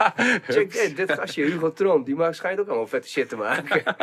Oh, Dus dat ik- weet ik nog, ja. Dus ik kende Ja. jou al soort van, ik wist, wie- ik wist wie jullie waren. En ik vond, het- Ja. jullie namen kwamen zo vaak op kantoor hier eh, en weer. Op het moment dat jullie, dat jullie er waren, ik zo dacht van, hey Hugo en, en Toby. Jullie echt zo, ho, eh, hoi, hoi, Ja. hoi. Ja, ik zag jou op Meld natuurlijk ook als eerst. Ja, even context. eh, Ik schreef toen nog voor Sicom en toen had ik ook heel veel festivals gepland. En ik dacht van ja, dat is, dat is een beetje mijn ding. Van hoe, hoe maak ik van mijn normale leven mijn werk, zeg maar. Ja, ja. dus het was oké, ik ga naar festivals, dus nou, dan ga ik daarover Ja. schrijven. ja. Ja, en eh, toen had ik hem volgens mij beetje gecheckt wie er allemaal naartoe gingen. Zodat ik Groningers op Meld kon eh, Oh ja. interviewen. En toen kwam ik bij- volgens mij ook, via Tom. Dat hij zei van ja, volgens mij gaat- Hugo Ja. naartoe met zijn broertje. Ja, klopt. Dus eh, ja, het was ook hartstikke gaar volgens mij Ja. de tweede dag of zo. De, ja, zoiets dacht ik. Ja, dat was ook niet best. Ja, Nee. dat ging me heel hard. Ja, ja, ja. Klopt, ja. Ik kon dat ook toen best wel eh verlept aan. Zo, Ja. Hey, dat is goed, vet mooi. Ja. Dat is wel leuk. ja. Zeker. Dat was met zo'n andere guy. Was- Die was met jullie. Die, eh, die ging- Willem. ja, die ging mij vertellen dat Fusion nog veel vetter was. Ja, klopt. Ja. ja, dat is Willem. Dat is sowieso Willem. Ja. dus Ben, ik de, ben jij er wel eens geweest, Fusion? Nee, jij? Ja, Ja, echt? vorig jaar. Was sick. Ja, ja. Is het ook echt leuker dan Meld? Ja, Ah, fuck, ja, het is echt, dat. Is- ja, maar het is, het is, het is, het is zo weird, jongen. Het is, eh, je hebt alles mag. ja, zeg maar, in de zin van, het is privéterrein. Als jij met, met een krat pils in je hand rond wil lopen en je eigen bier wil drinken, of, of met een spiegel spier rond wil lopen en dan gewoon iedereen dat wil voeren, dan mag dat gewoon. Niemand die daar wat van gaat zeggen of zo. Wow. Ook geen beveiliging. Geen dingen. ja, er is wel beveiliging, dat zijn wel- maar dat is echt, die zie je alleen maar als je dus niet bij de wc gaat pissen, maar ergens bij een boompje of zo. En dan springt er in één keer iemand achter, ah, kan je zwijnerij maken? Oh, ja, ja. ja, ja. Maar het is, ja, het is, het is dus echt gewoon. Ja, en als je echt kapot gaat en echt helemaal oud bent, dan komt er echt een soort van Mad Max-achtige auto's. Die komen Oh. dan. Ja, die zijn echt, echt helemaal kapot geschuurd en helemaal vette, vette graffiti erop. Helemaal extra dingen en bumpers. Die komen zo, komen zo rijden. Die pakken je mee, hop, gooi je erin en dan ga je naar de E EHBO. Zo. Ja. En, eh, maar oké, maar oké. Heel even tussendoor hoor. Irie, zijn we nog steeds live? Ja, we zijn nu weer live. We vallen af en toe een paar keer weg. Eh, Oké. ik heb Nou, ook dan op- weten we dat. opnieuw moeten starten. Uh-oh. Ah, nee. Ik wou het al even. Ik voel me heel even. Nee, cool. Sorry. En, ehm, maar het bij- bijzondere aan die. ehm, ehm, aan het festival is dat. dat Oké, zoals als ik het nu zoals ik het vertel, dan heb je echt zo'n soort van. Nou, bijna zombie apocalypse voor je. Zo, eh, helemaal lijpe Ja, laden, dus- helemaal gekkigheid en shit. En in reality was het gewoon dat ik me nog nooit zo zo chill eh, ehm, eh, heb gevoeld op een, eh, op een festival. Want alles mag. Oh. En daardoor is er gewoon nul stress. Je hoeft, Ja. ook- je hoeft dan ook in één keer niet meer. Dus echt al mijn arsenaal wat ik mee had. Ja. Dat, dat, dat, dat waar je normaal gesproken denkt van oké, dat gaat helemaal op. Ja. Dat was gewoon voor een derde. Want ik, het was, ja, het was ook, ik hoefde ook gewoon niet meer dan dat. Het Nee, was gewoon chille sfeer. Gewoon chille sfeer. Sick. Gewoon, eh, nou ja, ik stond op een gegeven moment eh, eh, gewoon een dikke, dikke jonko eh, te smoken. En ik kijk zo naast me en er staat zo'n dude eh, in zijn naki. En die neemt een snuif uit een envelop. En die kijkt me zo aan en die geeft me zo'n knikje zo van... Ja. Lekker bezig. Ja, ik, ik had zo'n Goku pakje aan. Want ja, Oh ja. Fusion, weet je wel. Goku. Super Saiyan. En ehm, nou ja, dat was, was gewoon echt nul. Ja, één, één, één of twee lui die ik... Ja, waarvan ik zoiets had van, oké, nu moet je even normaal doen, zeg maar. Ja, precies. Omdat die vonden dat dan... altijd. Ja, maar dat waren maar twee, hè, op zo'n fucking groot Ja. 70.000 man. Iemand ja. die dan stom ging doen dat ik zo'n pakje aan had, zeg maar. Ja, Zo van, wat doe je nou stoer, weet je, een beetje zo. Maar als je Ja, hem gewoon precies. negeert... is het klaar. Ja. En, eh, en het meest grappige was dus dat door het pakje, ik had allemaal vrienden wijsgemaakt, van, of wijsgemaakt. Ik ging ervan uit dat heel veel lui verkleed zouden gaan. Ja. En eh, Nou ja, ik zei van ja, we moeten allemaal als Dragon Ball Z characters. En eh, ja, iedereen zei van ja, ja, gaan we echt doen, gaan we echt doen. En uiteindelijk waren het maar ik en een vriend van mij. Ah, En, die, en die vriend van mij had ook nog een zo'n, nou ja, een beetje, sorry Chase, maar een beetje een niks zeggend karakter. zo'n Master Roshi had hij dan zo, eh, Oké, weet je oké. wel. Dus ik, ja, zo, zo loop je in zo'n pakje. Dus er waren echt Ja. lui die dan echt naar je toe gingen. En dan eentje die, e- één keer, zo'n gast die rent mij voorbij zo. Ja. Ik hoor zoiets in mijn, achter mij. Ik, in één keer staat er iemand voor mij en die maakt zo'n selfie. En die rent door. Ja. Sick. En je hoort overal muziek. Je bent de hele tijd de weg kwijt. Je weet echt Ja, waar je bent. Heftig. Ja. Sick. Ja, daar wil ik ook wel een keer heen eigenlijk. Ja, Je moet ingelood worden. Ja. Ik heb me dit jaar ook weer een groep aangemaakt. Maar Ja, wel met je vriendengroep toch? Ja. Als één wordt eh ingelood of zo, dan wordt iedereen Ja, ingelood. dat is Ja. wel sick. Ja. Maar dit jaar waren we uitgeloot en volgende week is de tweede loting. En als je Oh. daarna ook uitgeloot wordt als groep, Ja. dan blijven de tickets over en dan wordt er nog een keer geloot over alle Oh. individuals. Ja, Sick. maar ja, goed, het was wel echt, eh, was echt heel leuk. Ja. Ja. Hoe lang is dat? Het is echt eh, volgens mij tien dagen. Nou ja, officieel vier. Offici- Officieel vier, maar het is een beetje net als sci-fi-achtig. Oh Hier ja. in Leeuwarden, dan, dan komen ze al, dan- het begint officieel vrijdag of zo, maar dan komen ze al woensdag en dan gaan ze ja. volgende week woensdag gaan ze weg of zo. Dus daar is het, eh, bij, bij Fusion is dat ook, dat het, in het begin is het betaald, volgens mij. Maar na, na vier dagen, dus op de zondag, dan is het al gratis dat je naar binnen kan. Oh. En dan komt er dus een hele nieuwe lading lui, Ja. die komt dan. en helemaal van die wannabe Burning Man lui, die dan het helemaal niet Oh, begrepen ja. hebben hoe het zit. Ja, ja. ja. Dat, is ook, dat, dat, dat, dat zie je wel, echt, die scheiding tussen... Ja. Dus de, de, de, de, de snobs en de paupers. en, en je mag ook niet bijvoorbeeld ook zonder shirt. Je mag wel naakt rondlopen. Maar als je zonder shirt loopt als man, Ja. no shirt, no service. Dat mag ook niet. Nee, dat is gewoon te chauvinistisch, te film uh, male, uh, Ja, power. En, Oh, dat eh, vind ik wel leuk eigenlijk. Ja. Ja, en alles is vegan, dat vond ik dan wel weer kut, maar... ja. Fuck vegan, jongen. Nee. Wauw. Theo die heeft het al in heel veel podcasts over de, zijn haat jegens vegans. Hij ziet ze als een secte. Ja, Ze, ze hebben nu ook een eh, studentenclub, hè? ja klopt. Ja, stuur ik is je vandaag gekomen. Ja, ik, ik had het gezien, ja. Ga daarbij. Nee man, ik ga mijn eigen studentenclub, mijn carnivore studentenclub. maar, ik kan, maar ik kan het niet meer doen, want ik moet dus eh, vet veel... eh, ik- ja, nou, goed, het is een lang verhaal. ik moet nu meer eten. En ik kom Ja. met al dat vlees kom ik niet aan mijn calorieën, dus ik moet nu wel snoepjes eten, weet je. Ja, oh, dat, dat is het. Kijk eens, speciaal voor jou geopend, zodat je niet in jouw mic hoeft te... Oh, dankjewel. Ja, Heftig. Blijft het geluid nog steeds fucked up, Theo? sorry. Maar... durf ik dus niet bij de mic te eten. Goed zo, houden zo, houden zo. Klaar met Theo is eetgeluiden. Goed mijn neus ja, ja, dat snijdt gerust je neus, joh. No worries. Joh. bezig toch? Nee, wat kut. Ik had even een neuspret voor je mee moeten nemen, man. Ja, ai, man. Ja, eh, fun fact. Iedereen en ik die trainen twee keer per week 's ochtends. Hmm. En ik was afgelopen eh, dinsdagnacht echt gewoon vet gesloopt, zeg maar. Dikke koorts. Of nou, het viel wel mee, maar dat, het viel zo mee dat ik dan echt zoiets had van... Oké, ik heb slecht geslapen, maar is het slecht genoeg om af te zeggen?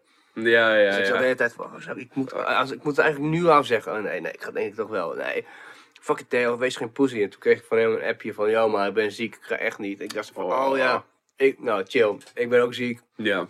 En eh, nou, gisteren dus vet, eh, vet naar de kloten. Ja. En vandaag eigenlijk eh, weer, nou ja, een beetje semi, semi, semi. Maar, Ah. ja. Dus, ehm maar goed. Ander verhaal. Waar waren we? helemaal, helemaal de weg kwijt. Ehm, jullie, zijn- ja, jullie gaan dus een beetje als speer met, eh, met Klankveld op dit moment. Ja. Heb ik het idee. Want, want je hebt een track gereleased, trouwens. Ja. Trouwens, ja. Maar het is heel onvertuidelijk, maar ik moet eigenlijk toch wel even naar het watercloset. Oh ja, ga kan even gewoon. heel snel, zeg maar. Ja, natuurlijk mag Yes, dat. Maar. Plasfase. Zullen wij dan beatboxen met z'n? Even een...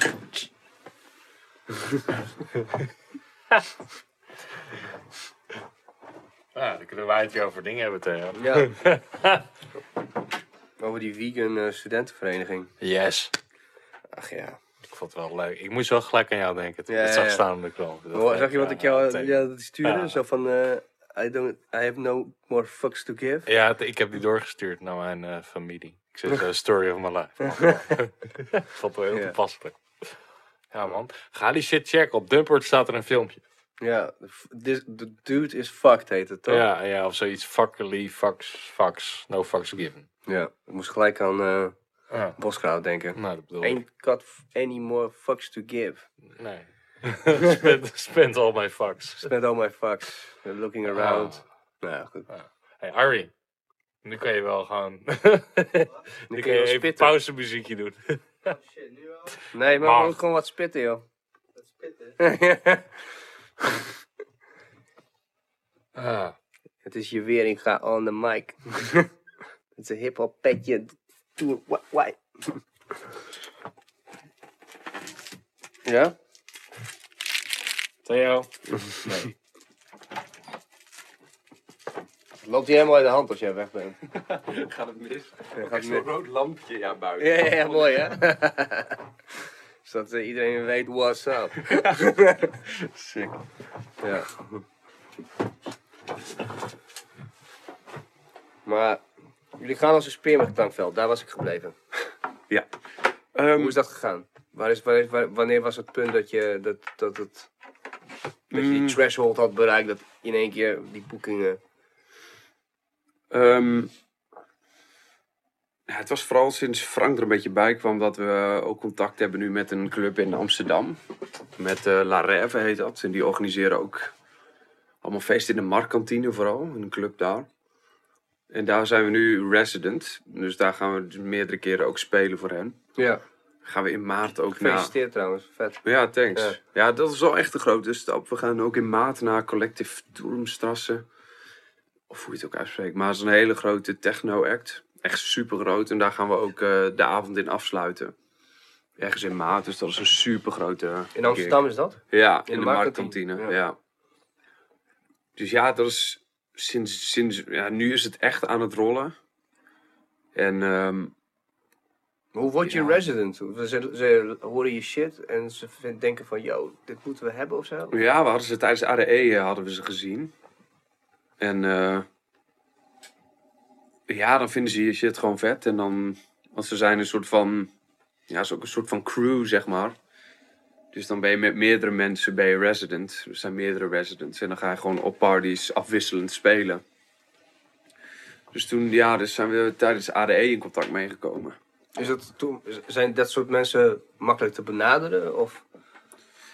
Nou, ze zeggen altijd, ja, ADE is wel toch wel echt een netwerking ding. Dus we dachten eerst van, eh, want ik was ook al een keer eerder op ADE geweest, maar dat was meer ja, voor leuk, zeg maar. Maar nee, we hebben die mensen toen echt gesproken en eh kaartje afgegeven, e-mailtje en zo. Ja, als je, als je ze niet echt ziet, dan is het wel moeilijker om ze te benaderen.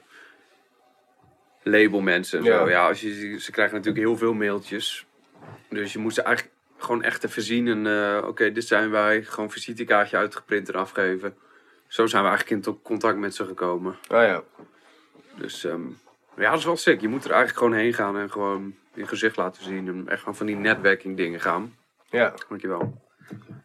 Maar Toby en ik zijn er eigenlijk heel slecht in. Dus dat is waarom Frank ook heel belangrijk voor ons is. ja. Frank die is gewoon heel super smooth. En die kan echt goed contact eh, leggen met mensen. Goed... eh, Ja, als jullie Walter Flapper, zeg maar. Ja, ja precies. Ja. Ja, dus... eh, nee, dat begint nu wel een beetje te rollen. Dat is cool. Ja. Maar aan de andere kant, het gaat ook nog wel echt even duren voordat we echt groot zijn hoor. Hoe lang denk je? Kijk, ehm drie jaar vanaf nu. Vijf jaren plan. Nou goed, eh, het ding was een beetje, want we hebben, ehm, we hebben shit ook een beetje omgekeerd gedaan. Want dat zei Frank ook een keer. We hebben, ehm, eigenlijk toen we nog relatief klein waren, hebben we al een aantal super grote optredens eigenlijk gehad. We hebben bijvoorbeeld een keer in Paradigm gestaan tijdens een zeefrave. Ja, dat was super groot. Maar toen waren we eigenlijk nog heel klein en onze set was ook eigenlijk nog niet helemaal wat we nu zijn. En we hebben in het Grand Theater gestaan. We hebben in de stad Schouwburg zelf gestaan. Echt super grote dingen allemaal. Voordat we eigenlijk überhaupt iets online hadden of zo. En toen dachten we van oké, weet je, als we één zo'n ding hebben, dan, dan zal het wel klaar zijn. Ik bedoel, mensen die op Paradigm spelen, dat is best wel heftig, weet je wel. Ja. Dan moet je wel een beetje bekend zijn. Maar eigenlijk kwam daar helemaal niks uit. Gewoon. Omdat mensen, ja, ze liken misschien dan je pagina, maar ook heel veel mensen niet. Dus het gaat toch echt om of je, je moet eerst muziek releasen en ook gewoon een goede, ehm, goede identiteit gewoon hebben. En in techno is het helemaal, het is ook niet zoals de, de pop scene of zo, dat je echt kapot groot kunt worden met een hitje of zo. Ja. Ik zat net voor de mic. Ehm, dus ja, het, het- we hebben ook wel geleerd dat het gewoon wel een kwestie van nou, jaren is totdat je op een soort redelijk niveau kunt zijn. Ja. Want heel veel mensen, zeg maar onze idolen, Solomon, Televas, Carl Cox en zo, die mensen, ja, die zijn ook echt allemaal 40 of 50 gewoon. Ja. En die zijn nu pas huge. Dus er zijn ook wel uitzonderingen natuurlijk, maar het gaat nog wel toch wel een aantal jaar duren. 20 plus jaren plat. Precies, Hoe heet die ja. oude gast nou? Die electro god, eh, IF? Dat is ook iets van 60 of zo. Wie? IF? IF? Intergalactic... Nee, is niet... eh func func function? Zo'n oude, oude dude is dat. Zou ik dit even opzoeken voor je tegen? Nou ja, dat is een goeie. Ja, het is gewoon I-F. Heet die. Oh. Ja. Daar ben ik groot. Dat was, eh, dat was een grote grap. Mijn vriendin en ik die gaan ieder, ieder jaar naar eh, Kroatië naar Dekmantel. Oh, sick. Ja, dat is echt super vet. Ja, moet je gewoon sick. z- zorg een keer dat jullie daar plaatjes kunnen draaien. Ja, dat zou lijkt me echt- heel Dat sick. zou echt super vet Ja. Zit je met Helena Hauf en met Solar en gewoon al die Ja. lui, Job Jobsen, die zitten ook Ja. allemaal, hebben gewoon allemaal vakantie en het is ook, sick. ja, het is echt super mooi, super prachtige locatie. Maar waar is dat eigenlijk dan? Eh, in een soort van. ehm, Dat is niet dat oude fort, dat is, dat is een andere. Dat is Dimensions toch? Ja, ja, klopt. Dat is Dimension. Ja, Dimensions? Ja, volgens mij wel. Dat is het weekend daarna, volgens mij zelfs. Oh, Maar, ehm nee, het is. ehm The Garden heet het. ja. The Garden Resort. Ja, dat is echt zo mooi. Dat, volgens mij is dat een jaar. Of ja, oké. misschien moet Jasper dat straks eventjes nog een keer nazoeken. Maar volgens mij is dat een jaren tachtig gebouwd resort. Bij een.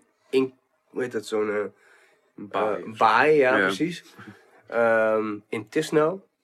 Oké. En dat is Dalmatië, Kroatië, Dalmatië, Dalmatische kust. En eh, dat is zo'n perfecte baai dat hoe hard je muziek ook staat, je hoort het niet buiten de baai, zeg maar. Wow. Aan de andere kant, terwijl, ja, dat, of, of nauwelijks. Dus het is perfect. Maar het is een resort uit de jaren 80, dus met midget golfbanen, heel lelijk, gewoon, gewoon beton en, een, en gewoon van die hele, nou ja, toen misschien wel hele hippe woningjes op het terrein, maar dat, ja, Ja. eh, als je het terrein opkomt, Ik kon ehm, zo 1, 2, 3 niet zijn eh, geboortedatum vinden. IF. Ja, nee, dat heb ik wel gevonden. Maar hij is sinds 1996 bezig. Dus even op basis daarvan. Ja, ja, cool. ja, nou, Even Quite, kijken quite long. Kun je, Ja. kun je even opzoeken wanneer de Garden Resort eh, is, eh, in, In Kroatië. Kroatië is Cool. eh, op, ga, ik dat, ga ik dat niet checken? Want we hadden toen vroeger de Garden Festival en dat was een van de eerste, nou gewoon een beetje van die love techno-achtige dingen. ja. En dat is, ik weet niet, misschien wil ik ook, maar volgens mij tien jaar is dat, heeft dat soort van stand gehouden en het werd een begrip. En daarna is dat uit elkaar gevallen, maar die locatie was er. Ja. Maar nog even terug op dat resort. Je komt dus binnen en dat is zo old school dat je dus eerst door het restaurant naar binnen komt. En het, is- het loopt ook zeg maar de- van de helling af. Dus je loopt eerst zo'n helling af en dan ga je het restaurant in. Ga je daar doorheen en dan begint het, het- ja. Is Ja, en het is vet aftans. En dat maakt het ook echt ja, gewoon vet. Ja. Maar daar staan dus gewoon... eh, Wou je weten het resort of... Ik heb, de, ik heb de site van het resort gevonden. ja. Maar wat wij dan precies Wanneer, weten... sinds wanneer bestaat het? Eh, de resort zelf? Ja? Eh, ja, als ze dat zo gelijk zeggen. hè? Ja. Wat het hele punt is waar ik naartoe wilde werken, is dat er daar gewoon van die helden staan als IF, uh, Nina Half, eh, Solar, eh, Mosgang. eh, wie veel er nog meer? Je hebt zo- zo'n. je, hebt zo'n je hebt drie stages. En eh, eentje is een soort van de pier, als het ware. Dus je ligt gewoon aan het strand, echt helder blauw. En je hebt zo'n pier en Mooi. is zo'n soort van hut. Sick. En, en daar overdag wordt gewoon alleen maar vette grooves gedraaid. Gewoon funky shit, whatever. Ja. En eh, dan heb je de beach, ehm, eh, eh, podium. En dat is meer gewoon funk. Echt gewoon, ja, gewoon funk en grooves. Dus Ja. meer, wij noemden het ook een beetje de... Ja, oké, het doet, doet wel af aan, aan shit, aan de muziek. Maar het Ja. een beetje de butten stage. Want daar staan al die, alle toffertjes en dat het gewoon lekker makkelijk is. En dan kun je Ja. gewoon met elkaar chansen en dansen, weet je wel. precies. En je hebt de voodoo stage en dat is gewoon echt de, nou ja, onze, Jenny en mijn stage, daar sta je en het Oké. wordt alleen maar ranzige whatever gedraaid, weet je. Ja, je hebt eh eh, Batu, ken je die gast? Batu? Nee.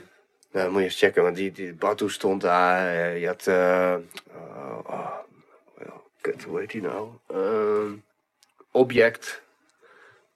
Ken je ook niet? Moet je checken, is ook vet. En, nou ja, maakt niet uit. Job Jobsen zei dus... Job, dat- Jobsen die, ja, die, die, die doet meestal alleen maar zo'n bootparty één keer. En dat is Oh, ook zo van oké. zo'n boot, zeg maar. Dat is ook vet. Alles is gewoon super sick. Ja. maar dus IF was er ook. En IF is zo'n oud gastje, oud mannetje. en, en iedere keer als we dan door het dorpje lopen in Tisno, en dan zie je dan zo'n oud gastje met een petje op. En, zeg, en dan was de, de running gag van, dan Jenny zo aanstoot en zegt van, hé, hey, dat is hem. En zij zo, wie? IF.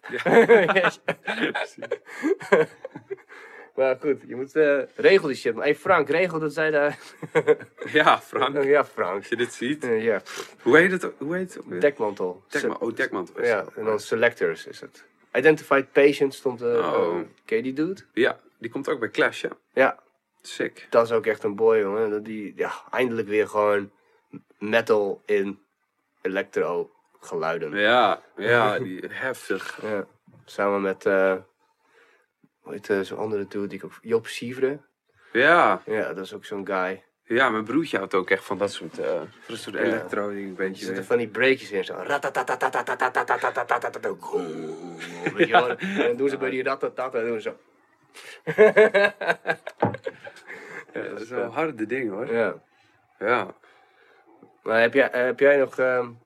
eh, artiesten waarvan je denkt van, oh, wat, nu allemaal, wat ik nu allemaal eh, hoor op dit moment, zeg maar, een soort van collega's, dat is echt vet. Want je noemde net oldschool, hè? ja. Ja, de mensen van ons label ook. Bossu. Die boy maakte echt super harde dingen ook. Ik ga het even opschrijven. Ja. Hoe schrijf je dat? D-O-U? Nee, B-O-S-S-O-E. Oh, echt Ja, gewoon echt Bossu. Ja, vet. ja.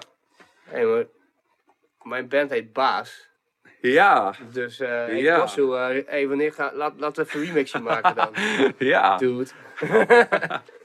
ja, oké, cool. ja. Hoe gaat het daarmee eigenlijk? Met Baas, laatst ja. ook een optreden in. Ja man, het gaat echt super goed met Baas. ja? We hebben de Metal Battle gedaan.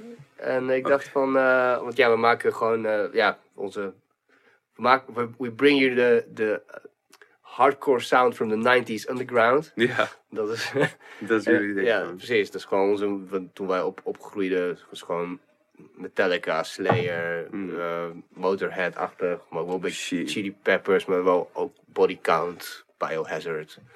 Gewoon de 90s, Sepultura, 90s metal, zeg maar. Ja, Maar dan wel met, een, eh, met, eh, met onze frontman, een fucking goede frontman. Shout-out naar Sal. die, eh, die rapt fucking goed. oh, Eh, en eh, we hebben echt een Terminator van een drummer. Die, die, die gewoon, die- nou, we maken altijd een grapje dat hij Lord, Lord Clicktrack heet. oh Die ja. gast, jongen, wij zijn allemaal een beetje soort van eh noobs. En dan Ja, ja. dan gingen we de studio in en zegt hij van, ja, ga maar weg. Maar zo, wat nou, ga maar weg. Je moet, toch, je moet toch gewoon spelen en dat jij gaat drummen en dat het dan alleen die drum wordt opgenomen. Hij zo, nee, nee, ik doe alles op clicktrack. Maar zo, ja, tuurlijk, oké, we zien je over vijf minuten, weet je. Die Ja, gast die ja. drumt het gewoon, echt gewoon in twee uur drumt hij gewoon zijn partijen in. Yo. Gewoon met perfect, zeg maar. Dat ik daarna volgens moet gaan bassen en Fuck. dus ik ja, niet zo dus- goed voorbereid ben, niet weet waar ik ben, weet je wel. Eh, Theo, Ja. ik, ehm, ik geef het op. Ik heb, Je kan de resort niet vinden. ja, ik kan een resort wel vinden, maar niet een oprichtingsdatum. Ook niet is, eh, Wikipedia. nee. Dit is, en de Garden Wikipedia. Festival dan. De Garden Festival? Ja? Ga ik dan nog een keer zeggen. Oké. ja. ik, moet, ik, moet beter, ik moet betere trefwoorden bij je ingeven. Zeg maar. Yes. maar, ehm, maar goed. eh, met andere, we, we- we hebben een paar, we hebben nog maar vijf keer opgetreden. Oh ja, echt? Ja. Oh, ja. En eh, we zijn sinds twee jaar eigenlijk serieus bezig. En we spelen voor een knaak en een bounty. Dus als iemand eh, vette shit wil. Ja. en we spelen altijd iedereen weg, zeg maar. Altijd als we spelen. Dus dat is gewoon een feit. Helemaal. We hebben wel de Metal Battle verloren. Oh, maar we hebben wel echt twee eh, dikke optredens uitgehaald. En eentje is voor het programma van I Am King. Voor I Am King. Dat is ook echt een keiharde metalband. Oh, sick. Ja, dat is 24 mei, als ik me niet vergis. En, Waar? eh, hier in Simplon, grote zaal. Sick. Ja. En eh, de andere is eh, voor het programma van, en daar ben ik misschien nog net ietsje trotser op, omdat dat ook echt, echt de Nederlandse helden zijn van Neuk. De band. Ja. Ja, je kent hem ook, hè? Neuk. Ja. Ehm, het was eh, opgericht in 2006. eh, De Garden Festival. Eerste keer. Oh, echt? Ik dacht in de Trouwens. 80s. Nee, 2006. Zeker. Oké. in mijn hoofd is het echt een, soort van... Gaat eh, lekker. eh, gaat lekker. Nee, misschien Nee, nee, het festival is misschien recent, maar dat ding is. Eh, misschien is het ding toch? wel ouder. Ja, maar ik weet, dat, ik weet zeker dat daar een soort van, dat het echt zo'n hippie plek was en dat het toen op een gegeven moment weg was en nu opnieuw is. Oké. Maar nou ja, goed, maakt niet uit. Fuck je shit, Ja. zoek het zelf maar op. het is gewoon vet. Kroatië, het is nou niet te veel mensen, anders anders is het te druk. Ja. Maar, ehm, maar ja, de band Neuk. En dat, dat, dat zijn echt keiharde gasten, jongen. Dat is echt nog een soort van tracks van je beste vriend. En dan is dat je beste vriend, de politie. Je beste vriend. Zo, vette krakers, anti, anti ja. koppers, eh, shit, weet je wel. Dat, ik zag ook filmpjes van een paar optredens geleden in, eh, in eh, Leeuwarden. Het begon ook volgens mij, want dat is een beetje hardcore eigen. Dat, Ja. dat, dat, dat, dat iedereen straight edge, maar knettergek. Dus, de- en er zijn ook vaak ook geen, eh, eh, geen podia, dus het is best wel gelijk. Oh, dat is wel En, zo. en die hardcore bands, je hebt bijvoorbeeld Slapshot en zo. En dat is zo'n dude met zo'n hockeystick. Ja. En dan, is het best wel, dan gaat het best wel hard aan toe. Maar omdat er dus geen podium is, komt de zanger vaak ook wel in die, in die moshpit terecht. Dus die gast die met van, van, van Slapshot, die heeft dus die hockeystick, die slaat dus lui van zich af, ook letterlijk tegen. Ja, Heftig. madball en zo. maar goed, dus dat is, ehm, ja, dat is een beetje de Nederlandse versie ervan. Ja, nou, Ja. sick toch? Ja, super sick. Ja, een beetje spelen. Ja, een beetje spe- ja, precies. En, en het klinkt ook nog, zeg maar. Hmm. Het is best wel weird. Dat je, ik heb jarenlang in verschillende dingen gezeten. Echt vanaf mijn veertiende. En, en nu eindelijk in de, in de minst... Nou ja, het is niet, ik, ik doe het tekort om te zeggen uitdagend in compositie. Want dat is het niet. Maar het is heel erg afgebakend. Want met die Ja. andere acts waarmee ik... heb, eh, bandjes waarmee ik heb gespeeld... probeer je iedere keer Ja. iets nieuws te doen. Iets wat nog nooit gedaan is, weet je wel. Ja, ja. En dit is gewoon hardcore. Ja. En binnen hardcore kun je alle kanten op. Ja. En je kunt het zo fucking weird maken als je wil. Want ik wil ook echt gewoon met synthesizers en shit, dat is de next step. Gewoon, ik heb het doel gesteld van, oké, we moeten gewoon de nieuwe bands. worden van, van metal, zeg maar. Dat, er gewoon, dat je gewoon, eh, dat het wel hardcore is, maar dat het ook gewoon electro is. Zeg maar. Oh, In één, dat, dat wil ik, maar dat, is, dat komt op. Ga je ook met van die eh, fluid stemmetjes werken? nee, nee, nee, nee, nee, nee. Geen, eh, geen liquid, liquid airbag. Maar, ehm, nou goed. Dat, dat is wel een beetje wat, eh, wat, hoe het met baas is. Dus daarom is de eerste stap even met Bosu eh Ja, precies. Even een remix even een remixje maken. maken. Precies. Ja, vet. Even. Hou je eigenlijk wel van hardcore? Hou- hou- Want we gaan het wel op jullie label releasen, dat snap je ook wel. Oh, dat, dat moet ook op ons... Nee, maar de remix is dan geen hardcore, hè? ja, dat is dan gewoon electro wordt het dan, Ja, ik. precies. Dat, Dat, wordt een dan nieuwe, dat is de techno. eerste, dat wordt altijd gerefereerd in de geschiedenisboekjes als de eerste stap naar die stijl. Ja, precies. De eerste mix tussen hardcore en Ja, techno. of zo. ja. Nou, dat ja. nou ja, ik zet je nu lekker voor het blok, hè. Nee, nee cool. Maar ehm, wat doe je, doe je ook iets anders dan muziek maken? Nee, dat is echt wel goed. Maar oprecht ook niet. Gewoon. Ja, is een beetje sporten en een beetje eh, chillen. Maar Wat, nee, ik ben eigenlijk wel letterlijk altijd met muziek ook bezig. Ja, zit je dan op Ja. je fiets, dan tunes in je hoofd? Nou, gewoon. Als ik, jawel, ik zit wel vaak als ik iets maak, dan moet ik mezelf ook wel echt forceren om gewoon om 12 uur de laptop uit te doen en zeggen nu slapen. Anders zit ik gewoon hele nachten gewoon door te werken. En dan ja, sta ik weer op en dan ga ik gewoon weer door. Dus ja. ja, ik doe letterlijk ook eigenlijk niks anders dan muziek. Gewoon. Triest? Ja, als je het zo bekijkt. Ah. Dus, ja. Nee, maar je, je, hebt- ah, wat, wat me opvalt is toen je ook al binnenliep. Gewoon dat brilletje en die snor, zeg maar. Dat is wel een beetje jullie nieuwe look. Ja, Toby heeft het dat- ook nu. ja dat, dat deden we voor Klankveld, ja. Ja. We, wouden, we dachten, je moet toch een beetje artiest zijn. Een soort van stage presence hebben. Heb je die foto ook gezien? Van die zwart-wit foto. Of hoe bedoel je? Nee. nou, verder. die foto van Leon vooral, met zijn zonnebril. Nee. Ja, dat ging heel ver. Oké, laat me zien. Fuck, staat hij ook. Oh, ik kan die wel laten zien. ik. Denk dat hij misschien wel... Ga je die niet op de livestream gooien, Harry? Ja, als dat kan. weet niet of Jammer dat die kan. Dat is een gruwelijke foto. Ja, dat is heel... Ik, ik weet niet. Ik denk trouwens niet dat hij... Zo mooi. hij zou nog op Klankveld staan, denk ik. Maar ik zal hem even opzoeken. En voor de duidelijkheid, Technogod Leon is, ehm, is, eh, is naast, eh naast eh, Technogod ook eh, Lord Pizza. Ja. Overdag draait hij pizza, s'nachts Ja. draait hij platen. Ja, precies. Dus het is een omgekeerde wereld, zeg maar. dus het is boven de pizza en onder de platen. En hij, volgens mij, ik zag nog een foto van hem voorbij komen met shout-out naar eh Douwe Grote Dorst. Oh ja. Buurman, buurman. Ja, Dat ja. ze met een armpje om elkaar heen en champagne over Ja. zo'n roosje. Wij zijn er klaar voor. Onze favoriete pizzeria. Eh, Ik zie. Kijk, hij had dus ook zo'n snorretje. maar dat is ook oh ja, zo'n ik heb deze gezien. Ik heb deze heel gezien. ver. Gruwelijk. Ja, zo stond hij ook dus in de club gewoon. Wat een baas. ja. Ja, dus stonden we met een soort van 90s outfits ook in de club. Ja, ik zag dat. In Hamburg echt was dat. Ja.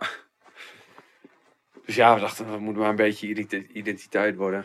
Maar we gingen, was wel heftig. Ik dacht, ik, ik wil echt niet alleen een fucking snor laten staan, weet je wel. Dat, is, dat kan eigenlijk niet. Vind je lelijk? Of, eh? Dat kun je tegenwoordig gewoon niet echt meer doen. zeg. Kijk naar Harry.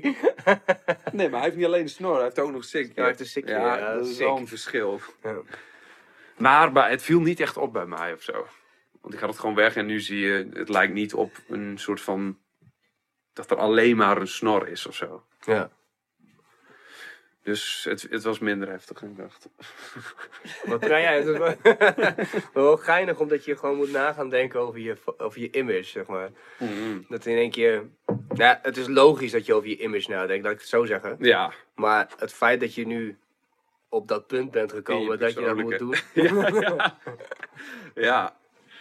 Ja, het was ook meer voor leuk natuurlijk. Maar het helpt aan de andere kant ook wel. Je, je, je favoriete artiesten hebben allemaal wel een soort van ding waar je ze herkent. Ja. Zeg maar, iedereen herkent die soort van, hoe heet die, gitaarboy slash met zijn hoed en zo. Ja. Ja, weet je, iedereen weet dat. Of, of je favoriete metalband die andere shirtjes aan hebt of zo. Dus ja, het is wel een soort identiteitsding ook. Maar goed, de vraag is wel hoe ver je daarin moet gaan. En bij techno maakt er ook allemaal niet zoveel uit gewoon. Nou ja, het was wel op een gegeven moment een stijltje natuurlijk volgens mij bij... eh, om, om er zo negligé mogelijk uit te zien, zeg maar. Zo net out of bed look. Bijvoorbeeld Hudson Mohawk. Die zit Ja, zo ja. bij alsof hij gewoon ieder moment om kan vallen. zeg Ja. ja. Ja. Ja, hij moet er natuurlijk wel een beetje cool uitzien, maar goed, in de, in de techno maakt er ook echt niet veel uit, want er zitten ook echt gewoon, nou, wat ik zei, van oude mensen zoals Soloboon of Carl Cox die gewoon in een t-shirtje aankomen. Dus Ja, ja, maar die, dat zijn al de namen natuurlijk. ja, precies. Dus dat maakt ook echt niet zoveel uit. Ja. Ja. Wat, wat kun je allemaal voor instrumenten bespelen eigenlijk? Dat heb ik je nooit gevraagd. We hebben het altijd over produceren en over melodietjes en zo. Maar... Ja. Ehm, nou, piano is mijn hoofdinstrument. Ik heb tien jaar, ja, negen of tien jaar klassiek pianoles gehad. Maar ik kan ook wel een beetje gitaar en drums en bas. Dat kan ik gewoon goed genoeg om zelf shit te kunnen inspelen. Maar niet zo goed als piano. Dat is sick. Klassiek ook. Dat is echt... eh Ja, dan zit je echt hardcore. Ja. die zit je erin, ja. Nou, ik, ik, had, ik had gelukkig wel een hele fijne leraar die niet... Ik moest niet stukken spelen die ik niet leuk vond of zo. En hij leerde me juist ook heel erg schrijven en improviseren en zo. Wat ik nu heel erg doe eigenlijk. ja. Hoe oud was je toen je begon? Mm. 12 of zo, denk ik. Zo. Ja. Ja. Vond je het ook leuk of moest het van je ouders? Ehm, het moest van mijn moeder. Ik vond het eerst helemaal niet leuk. Ik wou het niet. En zei moeder van, nou probeer toch maar. Ja, en toen na de eerste les, toen was ik al verkocht. En toen zei ik, ja, oké, ik doe dit ook gewoon, ja. Wauw. Ja, ik, deed, ik deed het al wel vaker, maar ik wou gewoon niet op les of zo. Als een soort opstandig kindje of zo. Maar het was toch eigenlijk sick leuk, dus... Wat, wat, was het? Dat, je, dat iemand in één keer ja, liet zien wat je, wat je eigenlijk deed of zo? Nou, de eerste waar ik heen ging, de, dat was niet, zeg maar, dat niveau was niet zo goed van, de, van die opleiding van die leraar. Dus toen ben ik naar mijn, naar mijn laatste leraar gegaan in Buskwert. Henk Doeke Oringa. En dat is een, eh, ja, daar heb ik gewoon de rest eh, van mijn tijd les gehad. Maar wel ook respect voor, voor die boy. Want imagine dat je gewoon leraar bent. En je krijgt altijd mensen die gewoon net niet oefenen of zo. Ja, Je zit er wel weer een uur. ja. ja, ja. Het Ik, is wel... eh, ik heb wel respect. ik heb toen met passen gehad eh, van Hedy van der Laan. Dat is ook zo'n eh, zo'n held is dat. Die gast die zit aan de Paterswoldse weg, volgens mij. Ja. En eh, nou, ja, ik wilde bassen en ik ging het zelf allemaal uitzoeken. En toen, Ja. toen zei mijn moeder van, nou, ga daar maar heen. Dat Ja. was eigenlijk gitarist, maar wat die vent dus wel heel goed deed. En ja, dus ook, daarom is bassen ook, wat jij waarschijnlijk ook hebt. Je kan gewoon blindelings piano gewoon dingen doen, Ja. zeg maar. Dat hij gewoon heel duidelijk uitlegde hoe, dat, hoe die fretboard, hoe dat fretboard werkt. Ja. En hoe je het gewoon kunt lezen in een instant, zeg maar. Het zijn Ja. gewoon een paar patronen en dat kun je overal toepassen. Ja. Dat is denk ik op een toetsenbord ook net zo. Ja. Ja, wat ik vooral heel erg heb geleerd daar is gewoon... Is gewoon veel meer diepte geven aan, aan de muziek. En zeg maar, als je, want je hebt, bij klassieke muziek heb je natuurlijk gewoon een notenblad voor je. En daar heb je geen referentie van hoe het eigenlijk zou moeten klinken. Behalve als ze het dan een beetje voorspelen. Maar je moet, je moet wel zelf elke noot helemaal kennen en dan je eigen frase en zo daaraan geven. Ja. Dus, maar... Maar ik was ook niet de beste leerling in die zin dat ik altijd kwam voorbereid en zo. Ja, maar je was op 12 toen je begon. Ja, ja. ja, dat klopt. Maar wel tot mijn twintigste dan les gehad of, of meer. Ja. Ja, dus op een gegeven moment zit je echt... Wanneer was het moment dat je dacht van... Oh wow, ik kan nu echt iets maken wat voor mij is? Mm, dat had ik dus voor het eerst toen ik zo'n... Dat ik zo'n MIDI-keyboard had gekregen van mijn pa, denk ik. Dat ik van die orkestrale muziek ging maken voor die film. Dat ik toen voor het eerst gewoon een heel... Nou, gewoon een klein compositietje in elkaar had gedraaid. Maar dat ik wel dacht van, yo, dit is eigenlijk best wel sick. Gewoon, dit heb ik zelf gemaakt. Ook al is het maar een minuut lang. Met een strijkertje en een blazertje en een pianotje. Maar dat is gewoon minuut lang, maar dat heb je wel zelf gemaakt. En het klinkt best wel gewoon sick. Ja. Dat is natuurlijk nog lang niet het niveau wat je dan nu zou hebben. Maar alsnog is het voor, voor dan wel heftig. Dat was wel het moment dat ik wel dacht van... Oké, dit wil ik gewoon blijven doen totdat ik gewoon kapot goed ben. Ja, wat cool. Ja. Want, het, want jij kan me wel voorstellen dat... Ja, oké, dat wil je dan doen, zeg maar. Maar er zijn vast wel... Je gaat naar de middelbare school, je gaat, doet allemaal dingen. Dus dan... Er zijn vast wel momenten in je hoofd waarvan je denkt van... Ja. Ja, waarom doe ik dit eigenlijk? ja, nee, dat zeker. Ja, ik heb ook wel heel lang getwijfeld of ik überhaupt conservatorium moest gaan doen. En zelfs toen ik het al deed. Want ik dacht ook een beetje van ja, weet je wel, vrienden van mij die doen eh, geneeskunde of die doen eh, internationale betrekkingen, weet je wel. Gaan goede dingen doen voor de wereld. Ja, dan word ik gewoon fucking muzikant. Ik maak gewoon een beetje techno en zo. Ja. Ik dacht van ja, het is allemaal wel leuk, maar is dit, moet, moet ik dit wel echt gaan doen, zeg maar? Is dit niet gewoon een beetje eh, een soort... Gaat dit niet te ver? Moet ik niet gewoon even een goede opleiding ook afmaken? Maar op het duur zat ik er al zo ver in dat ik dacht van nee, dit, dit, moet, dit moet ik nu ook gewoon gaan doen. Want als je het moet doen, dan moet je het ook wel helemaal doen. Ja. Als ik ook nog een andere studie daarnaast had gedaan, ja, dan, dan was ik niet geweest waar ik nu was geweest, denk ik. Maar zoals jij nu vertelt, dat is zeker werkethos. Dat je gewoon alleen maar bezig bent. Ja. Ja. Ja, dat is het ding.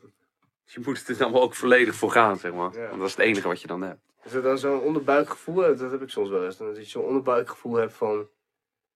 Dat je, soms, dat je wel eens hebt als je heel snel naar beneden gaat of zo. Ja, ja. Van, klopt het wel? Ja. Klopt het wel? Dat, Ja. Floating. Ja. Zo van, eh, vooral in de derde, in de derde klas had ik dat heel erg. Maar goed, toen kwam een vriend van mij, van mijn allerbeste vrienden, Evert, met het hele goede advies. Die zei van, kijk, als je doet waar je het beste in bent en je vindt dat het leukst, dan word je daar ook het beste in, zeg maar.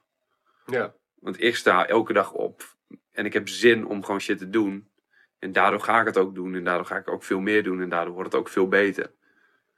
Kijk, ik had ook eh, rechten kunnen gaan studeren, maar als je dat net niet tof vindt, ja, dan word je er ook nooit zo goed in als dat je iets doet wat je echt heel goed vindt. Ja, echt passie. Ja, en ik dacht van ja, daar heeft hij ook wel gelijk in. Je bereikt natuurlijk veel meer als je doet wat je echt leuk vindt, dan als je net niet doet wat je net niet cool vindt, zeg maar. Ja, en je hebt een beetje de mazzel natuurlijk ook dat je het zo vroeg begon dat je gewoon nu ook je monies mee kan verdienen. Ja, nee, daar ben ik ook. eh, Het was Ja. wel een ander verhaal geweest als het niet zo was. Zeg maar. ja, nee, zeker.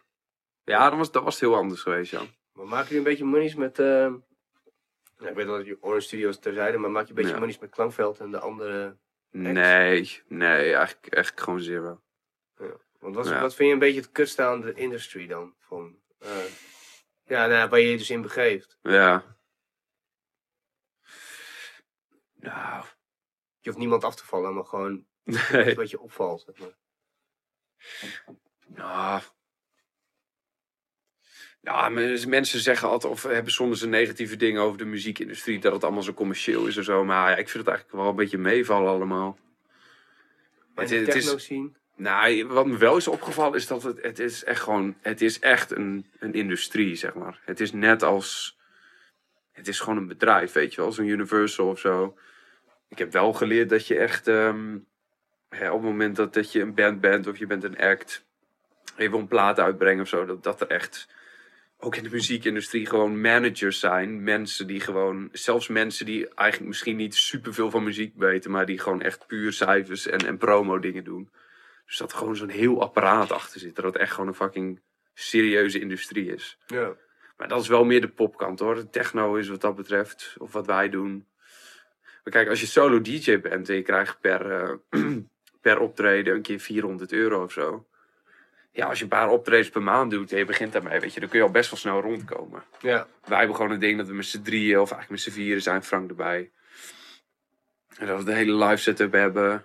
Dat we altijd reiskosten en zo hebben. Maar goed, als je gewoon alleen bent als een soort DJ, dan is het best wel oké. En mensen zijn ook echt wel bereid om je kansen te geven als je gewoon harde dingen doet. Ja. Veel is er, wat, wat, wat vroeg ik jou net ook met ADR van hoe toegankelijk is het, maar ja, wat, dit, is, dit vind ik eigenlijk super grappig. Want jullie zijn conservatoriumlui, jullie maken techno. Ik weet niet of dat vaak voorkomt. Nee, het is wel minder. Het is wel niet. Want, Ja. want dat was, dat is bij metal en punk is dat ook zo. Je hebt een paar bands, Victims Family, maar ook No Means No. En dat zijn gewoon, gewoon conservatoriumlui die dan eigenlijk... Ja, het, ik, ik, het zijn wel echt vette namen, zeg maar. Ja. Want ergens is het cheaten, zeg maar. Ja. ja. Want jullie weten waar het echt over gaat, zeg maar. ja. Maar tegelijkertijd ook weer niet, hè? Want. Ja, er zijn ook heel veel mensen van het conservatorium die gewoon hele lelijke muziek maken. Dat is ook weer zo. En er zijn ook heel veel mensen die geen conservatorium hebben gedaan die super mooi muziek maken. Ja. Dus in die zin denk ik niet zoveel dat het uitmaakt. Ja, maar wat, wat, wat, wat vind je dat het meest gebracht heeft dan het conservatorium voor jou? In, in, ja, of nee, laat ik het anders stellen, want deze vraag had ik ook gesteld. Van, eh, hoezo techno? Ja, Want, je, want ja, Prins Klaus Academisch of eh conservatorium staat ja. bekend om voornamelijk jazz, toch? nou nee, ze hebben een klassieke afdeling en jazz. Yes. nu even liftmuziek. Ehm, nee, ze hebben een klassieke afdeling en een jazzafdeling, maar ook nog een compositieafdeling. En, en daar zetten wij op, Toby en ik. En dat is ook wel heel erg gericht op juist moderne dingen. Dus bandjes opnemen en produceren, beats maken en zo. Dus in die zin, kijk, mensen denken altijd conservatorium is wel klassiek en zo, maar dat, dat viel in ons geval ook wel mee. We hadden gelukkig een hele moderne opleiding. Dus ehm, Zou je het aanraden aan anderen? ja, zeker. Ja.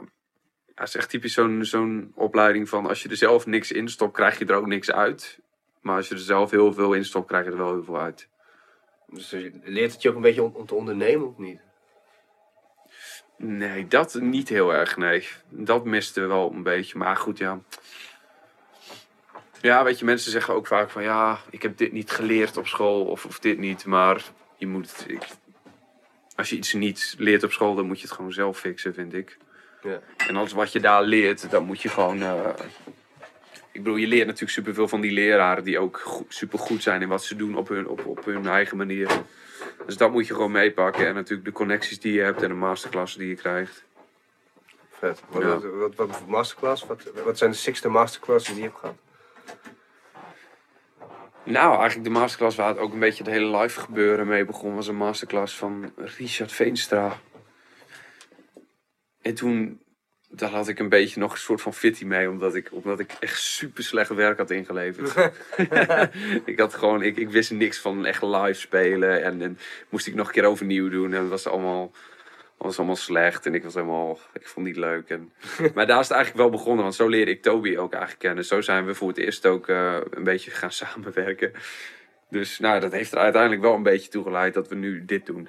Dus, ehm, en we hadden op een duur ja, wel een vak, dat heette dan ondernemend muzikus. En zo zijn Toby en ik eigenlijk begonnen met samenwerken. Toen hebben we voor de eerste keer moest iets organiseren. Dat hebben we toen in Paradigm gedaan voor de eerste keer. Nachtwachten heette dat. Oh ja, dat heeft de Hanze nog, eh, of de Ja. Hanze Kast heeft dat nog Ja, ja, gesponsord, volgens mij. ja, klopt. Dat was met strijkers en zo, toch? Ook gewoon met zo'n... Ja, met de viool. Ja, dat was wel sick. Ja, dat was ook heel heftig. Dat was ook echt. Dat was ook best wel uniek, zeg maar. Dat- Ik heb nog, ook nog nooit in een technoclub zo'n setup gezien. Dat was. En vanaf, eigenlijk vanaf die grote setup zijn we nu steeds aan het reduceren geweest. Tot eigenlijk wat Klankveld nu is. Ja. Dat is voor de niet-Groningers. eh, Paradigm is eh, de technoclub van Groningen. Theo, iedereen weet wat Paradigm is in Nederland, die bekend is met techno. Dus. Eh, ja, nee, ik zeg het toch maar even. Ja, Ja, ik denk het wel, ja. Klopt. Ja. Ja, nee, fuck it. Wil je maar niet meer tegenspreken? Nee, ik was... nee maar, maar ehm, oké, voor de buitenlanders. Het is een techno club. Ja. Maar, ehm,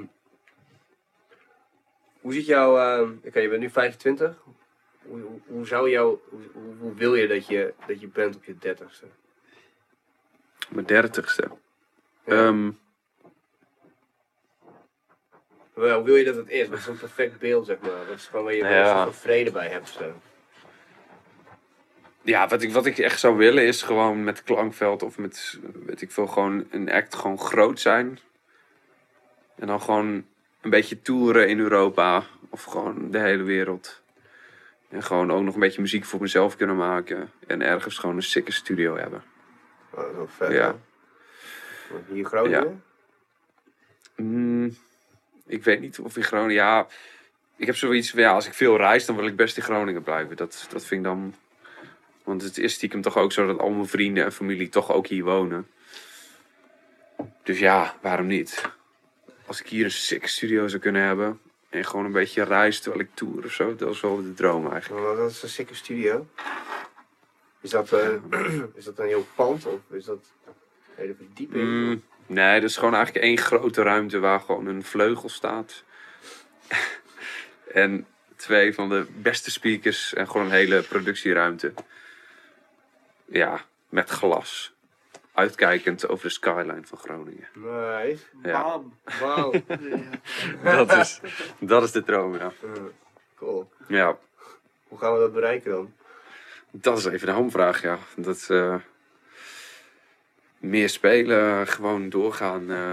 Maar zou je, is, is- ik bedoel, ja, oké, ik ben nu gewoon een beetje aan het, aan het wegdromen, hè, maar hoe, is, Mm. bijvoorbeeld Junkie XL, die maakt vette, vette filmmuziek. ja, Dat zou jij ook kunnen doen, toch? Nou, in die soort van sfeer, jawel. Waarom doe je dat dan niet? Wel, wel even disclaimer, Theo. Ja. Hij is er wel voor naar. eh, leeg gegaan. Ja. Ja, precies. Ja. Ja. Dan is het niet meer Groningen, toch? Nee, dat is niet meer Groningen. En hij was ook al naam van tevoren natuurlijk, ja. Ja. Ja. Maar goed, aan de andere kant, ik heb voor Tomorrowland wel een keer voor ehm, ehm, een track die Hans Zimmer voor Tomorrowland had geschreven, heb ik wel echt al de multitrack van gekregen en helemaal moeten remixen en zo. Ja. Dus ja, in principe, Ja, jij, kan, jij hebt die skills, zeg maar. ja, precies. En kijk, de stap naar echt een, het hoogste niveau is ook weer niet zo groot natuurlijk. Hè. Ik bedoel, in principe denk ik wel dat ik de mensen zou kennen om een keer naar die zijn studio te kunnen gaan of weet ik veel. Ja. Transformers 6 of zo, dat je dan eh, de soundtrack. Ja, maar het ding is ook een beetje, zeg maar, die hele... Hans Zimmer is, is een beetje misbruikt door de muziekscene. Omdat hij maakte vroeger echt. Hij was de eerste die eigenlijk orkestrale muziek en elektronische muziek mixte. En hij heeft dus echt super sikke dingen gedaan. Maar op een duur hebben mensen dat gewoon, andere filmcomponisten, dat gewoon een beetje gepakt. En die hebben het gewoon zo kapot vaak gekopieerd. Dus inderdaad, in films als Transformers en zo. Ja. Die heeft hij helemaal niet gemaakt. Mensen hebben gewoon zijn sound gepakt. En heel, ook een beetje cheesy gemaakt, zeg maar. Oh ja. Want die soort van cheesy filmsound, ja, dat, is- dat is net niet meer cool. Dat is niet per se ook wat ik wil maken. Ja, precies, ja. Kijk, toen Hans Zimmer dat maakte, was het wel super vet en super mooi. Voor de film Inception ook.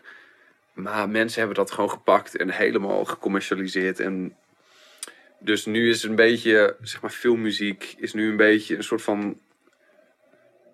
Het wordt vaak cheesy of zo. En, en dat wil ik niet. En ook wat Junkie XL wat doet, dat is wel... ik- het is ook niet zo origineel bijvoorbeeld als wat Hans Zimmer doet. Ja. Het is ook echt niet zo. Het, het zijn gewoon een beetje Hans Zimmer rip-offs, zeg maar. Ja. Dus nou, ik, nu ken ik zo'n Junkie XL zijn dingen ook niet heel goed. Maar wa- wat ik wel een beetje hoor ook van die mensen... Het is wel allemaal een beetje dat ding, zeg maar. Ja. Gewoon harde strijkers, harde blazers, dikke drums. Honderd keer opnemen. en dan gewoon zo groot mogelijk laten klinken. Dus ja, dat, dat, ik weet ook niet per se of ik dat per se zou willen. Als ik heel rijk zou willen worden, zou ik dat wel nu moeten doen. Want daar zitten wel heel veel muns. ja. Maar ehm, nee, het lijkt me wel veel leuker eigenlijk om eens in een soort van, nou niet per se indie films of zo, maar iets soort van kleinere. Met echt gewoon goede soundtracks die niet per se zo cliché filmisch zijn, zeg maar. Vet, maar ja, je zou met, met bijvoorbeeld zo, met een klankveld ook zoiets kunnen doen, toch? Nou, dat is, dat is dan weer nog een beetje anders, denk ik. Een soort van, dus kan je daar niet een vet voor futuristische films? Ja, ik ben- We zijn gewoon lullen, hè? Ja, dat is zeker, zeker. Ja, dus Brainstorm, vet- hè? Ja, brainstorm. Ja. Een futuristische film of zo, dat je dan... Ja, Je hoeft niet per se techno te maken. Je kan het ook Nee. uitrekken en zo. En ja, groffer maken. ja. Ja, stie- stiekem is het ook allemaal een beetje hetzelfde. hè. Er zijn ook, er zijn ook letterlijk dingen, bijvoorbeeld. Ik heb een keer voor een Tomorrowland trailer iets gemaakt. En dat was een, een MIDI-clipje van. En dat kopieer ik dan gewoon en dat doe ik in de klankveld live set. Maar dan, doe, dan speel ik dat gewoon met een gruwelijke synthesizer. Ja, en dan wordt het gewoon heel heftig. Maar het is eigenlijk natuurlijk, zeg maar, de noten zijn wel hetzelfde. En wat, wat klankveld is, het is ook best wel cinematisch en best wel. Het heeft ook echt wel iets filmisch. Ja, Dus het zou ook supergoed onder dat soort dingen passen. Dat is wel zo. dik trippy shit. Ja, Ja, ik bedoel, jullie zijn nu bijvoorbeeld aan het jammen. Hebben jullie, ja, jullie hebben die eh trouw, hè? Was het of zei ik het nou trouwens. Trouwens. Ja, trouwens. trouwens, ja. trouwens. Ja. Komen jullie bij die naam? Hoeven bij die naam komen? Ja. By the way, trouwens. Ja. Ja, ik, ik heb altijd een hele flauwe grap. Dan zeg ik tegen Toby zo, zeg ik, hé, hey, trouwens. En dan kijk ik weg en dan zeg ik niks. Ja. En daarom, daarom doen we het zo. ja, dat is heel flauw. Dan moet die andere eigenlijk zijn van, hé, hey, maar eh, Ja, precies. Ja. laat maar. Ja. Stil. ja, ja, ja. Dat, dat vind ik. eh, want je, je zegt dat het een jam is, maar dan heb je dus die compositie, die heb je dan wel echt heel duidelijk opgenomen, toch? Dan, Ja, dat, dat, is, dat is wel van tevoren. ja, dus die moet je dan wel kunnen reproduceren. Ja. Ja. Is dat lastig? Nou, voor, voor dat soort dingen, we hebben ook wel sommige backing tracks. Dus dan hebben we nummers die we zelf hebben gemaakt, maar dan met alle elementen die we live doen, hebben we eruit gehaald. En die kunnen we dan triggeren en loopen in bepaalde delen en dan weer naar volgende delen. Ah ja. Zo kunnen we wel dingen die we al een keer hebben gemaakt, wel opnieuw maken. Ja, vet. Ja. Maar goed, maar we hadden het over, eh, over klankveld in, eh, in dikke vetse, vette Ja. movies. Klankveld in Hollywood. Ja, op, op games natuurlijk, dat kan ook. Ja, Dat zou vet zijn. ja. Ja, wel. we gaan dat zeggen.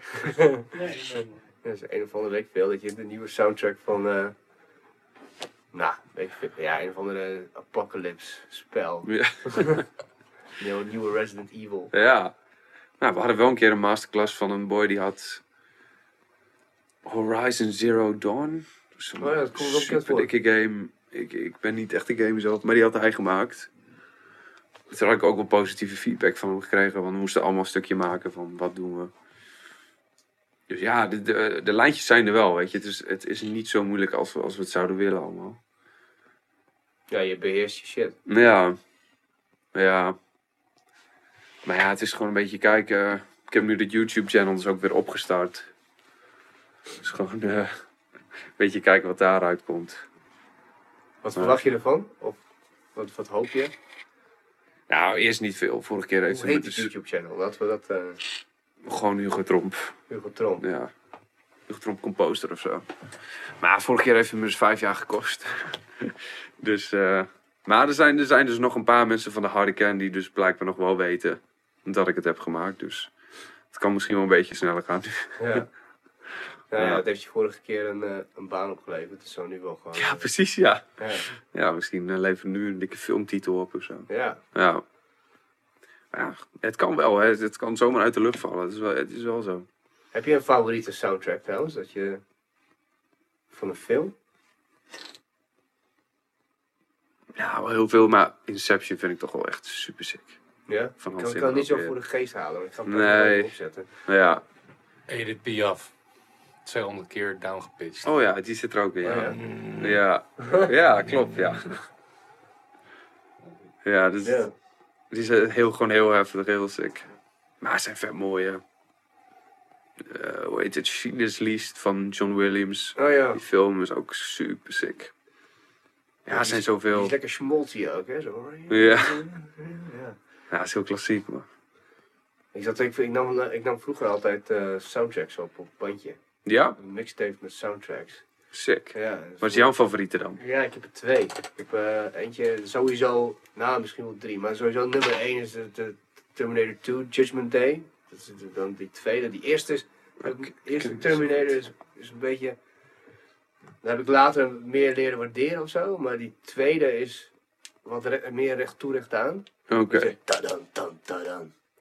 Tudada. Weet je, super dramatisch, maar ondertussen gaat Ja, de ja, machine heel episch. onderdoor. Tudun. Terwijl Ja. die eerste, dat- die anekdote, die gaat ook echt van dat, eh eh, hoe heet die gast nou? Niet Carpenter, maar eh, Cameron. Dat hij bij, nou, bij zo iemand als jij komt en zegt van ja, ik, Ja. heb, ik heb een film en ben ik componist. Ja. Ik heb een film en gezondheid uit. En eh, ja, het gaat over een eh, robot en dit en dat en from the future. En die doet echt zo van, ja, ja, Ja. nou, oké.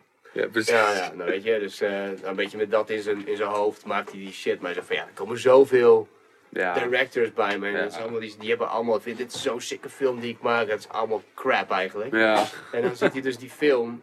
En, Ja. dan, en dan denk je van wow. En dan zit dan die synth, het is echt zo'n synthesizer. Het komt echt zo op. Weet je wel. Ja. Nou ja, nou, die- dat, dat heeft eigenlijk alleen maar de, ehm, de ho- het hoofdthema van, van die Terminator. Van Oh ja. daar komt hij eigenlijk in. En die, die tweede wordt hij ook nog een keer ondersteund door zo'n vette machine. Oh, oké. Dus dat is een beetje de, mijn Dat is jouw favoriet. favorite. Oké. En die tweede is van Predator. Dat die, eh, er zit een beetje van die jungle geluid in. Oké, ik ken hem niet. Maar... hele vage maatjes ook een beetje. Dat is die film over die soort aliens, toch? Met die soort... Ja, eh, Telltale Shimmer Cloaking Device. Hij heeft, eh, het is een, eh, die allereerste film is met, met Arnie. En het is, zeg maar, het is de, dat, dat ze op missie worden gestuurd de jungle in. Ja. Omdat eh, blijkbaar een paar hoge pieven eh, ontvoerd zijn of gedood zijn of whatever. Maar zij Ja. weten niet precies wat, wat er aan de hand is. En zij zijn ex-military en gewoon meer rescue troops. Gewoon huurlingen.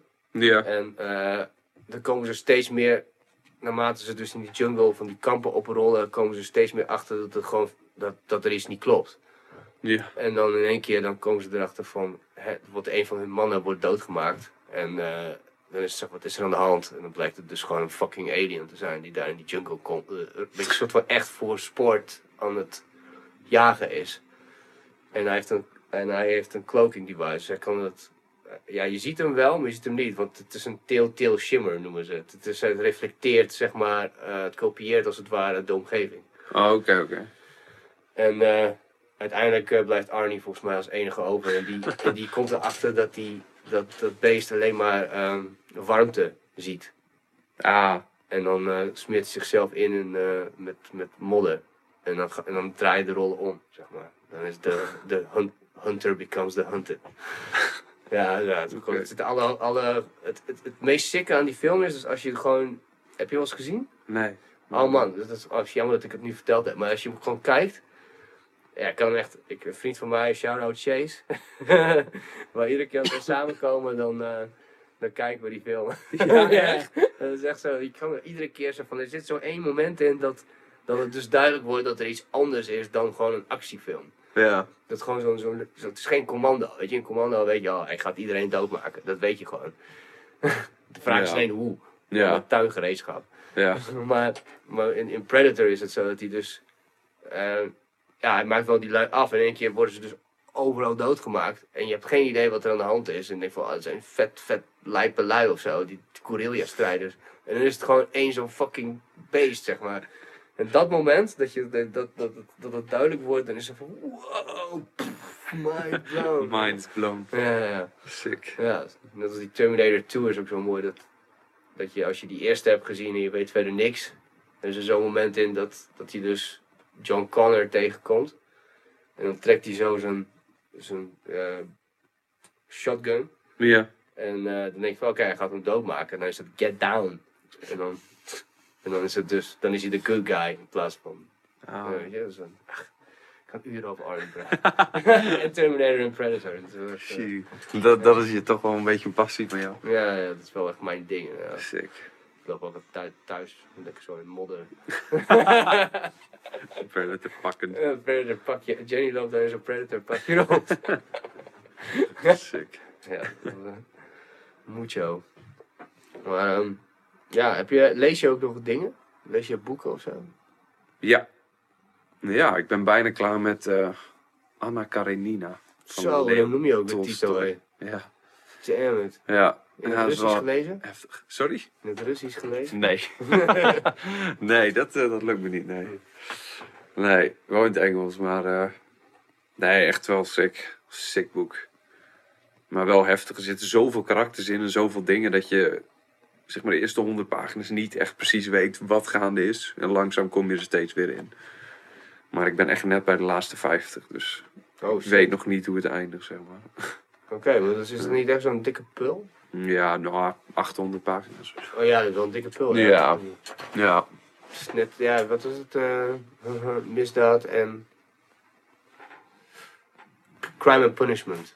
Dat is ook van hem, toch? Nee, dat is van een andere. Nee, dat is sowieso Tolstoy. Nee, dat is van Blablajewski. Blablajewski of zo. ja? Ja. Ja, had ik het laatst nog over met een vriendin. Ja? Ja. Sick.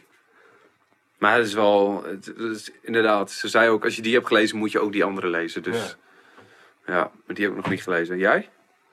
Ik? Ik eh, lees eigenlijk heel veel. Nou ja, ik moest vroeger lezen voor mijn ouders, een uur.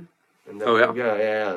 Eh, Toen, toen al gaven ze mij dat soort shit wat jij nu leest, zeg maar. Ja. Maar ja, als je fucking acht bent, dan is Ja, er weet van. cool, nee.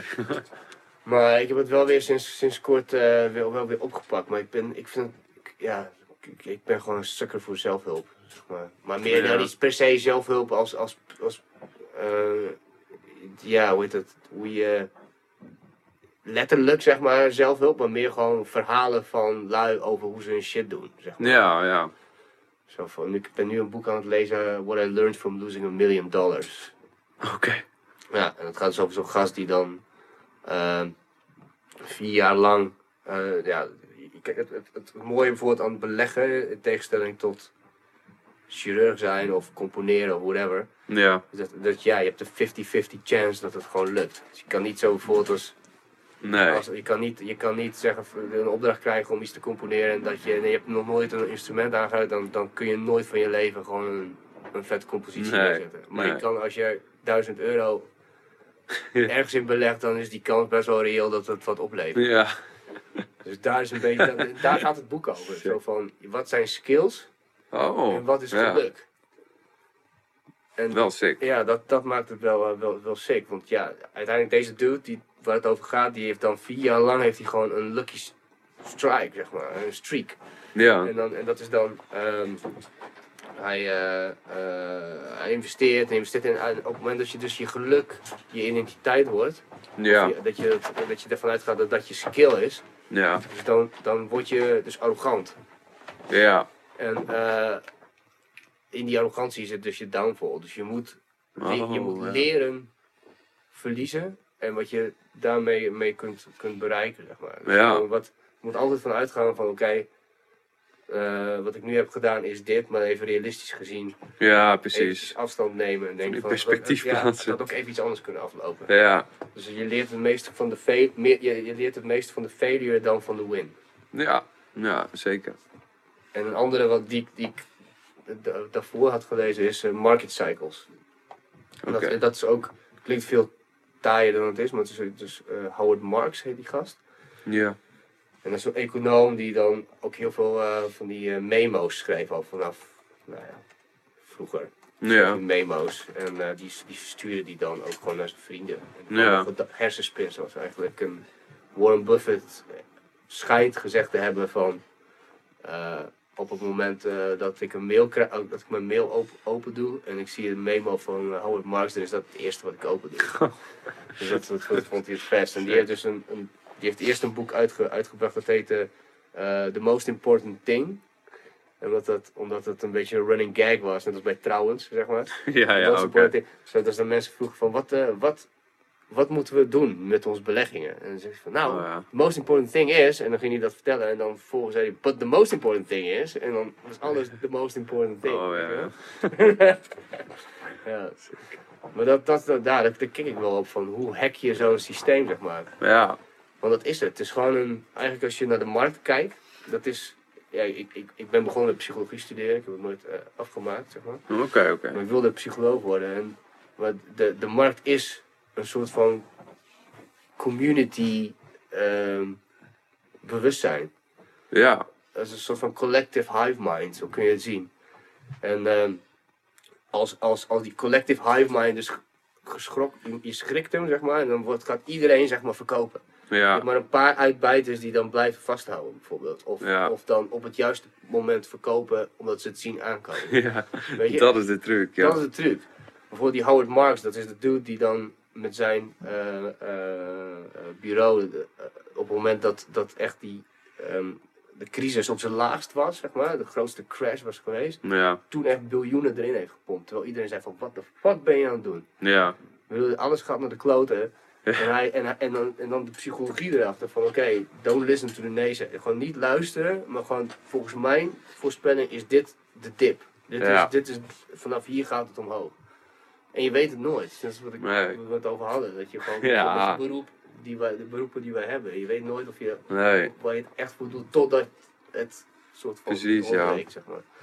Maar hij wist het dus blijkbaar wel. Nou ja, ja, Het blijft natuurlijk altijd een gok, maar het is een redenering. En die redenering kon hij onderbouwen. En toen heeft hij het gedaan. ja, met zijn partner. Maar hij zei van het is wel op het moment dat het achteraf gezien is, ja tuurlijk was het logisch dat we het deden. Maar ja. toen was het alsnog van ja, maar stel dat dit nog een keer zo, ja zoveel- dan was het wel een foute bingo Ja. foute bingo. Ja, maar oké, je leest dus nog wel buiten, buiten het muziek maken om. ja, ja, ja. Daar ben ik ook recent wel mee begonnen weer. Ik dacht, moet je mind wel een beetje scherp houden. Want ik lees eigenlijk helemaal nooit meer. Het langste wat ik las was gewoon een e-mail of Tweet. Ja, gewoon een Facebook berichtje. Dus eh nee, het is ook gewoon leuk, weet je wel. Je wilt dat verhaal zit je in en dan wil je gewoon voor het op bed gaan weer even lezen. Dus Ja, dat ja, is ook maf hè, dat je ogen zo'n spier en dat als je op een gegeven moment gaat lezen dan gewoon... ja precies. Dan ga je neer, ja. Ja. Ja. Hier moet ik eigenlijk nooit echt... Ik heb de afgelopen drie avonden proberen te, te lezen voordat ik ging slapen. Terwijl ik heel moe was, maar dat gaat ook eigenlijk niet. Kun je maar beter gewoon wel lezen terwijl je fit bent, zeg maar. Ja. Nou oké, nog even afsluiten. We zijn al bijna, bijna twee uur aan het... eh, is dat twee uur dan? Anderhalf? Het? Eh 1 uur en eh, drie kwartier. Ja. Oh. Shit, Lang dat ook. snel, hè? Oh yeah. Ja, het ging snel. Dus we eh, even wat afsluitende dingen van... wat is je sixte backstage moment? Sixth backstage moment. Ehm, Ja, ik dacht ik kom even een natuurlijk anekdote of zo even om mee af te sluiten. ehm,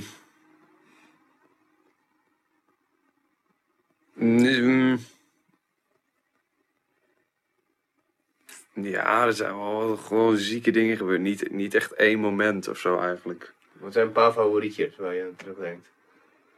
Een mooie, glansrijke anekdote. Mag ook goor zijn.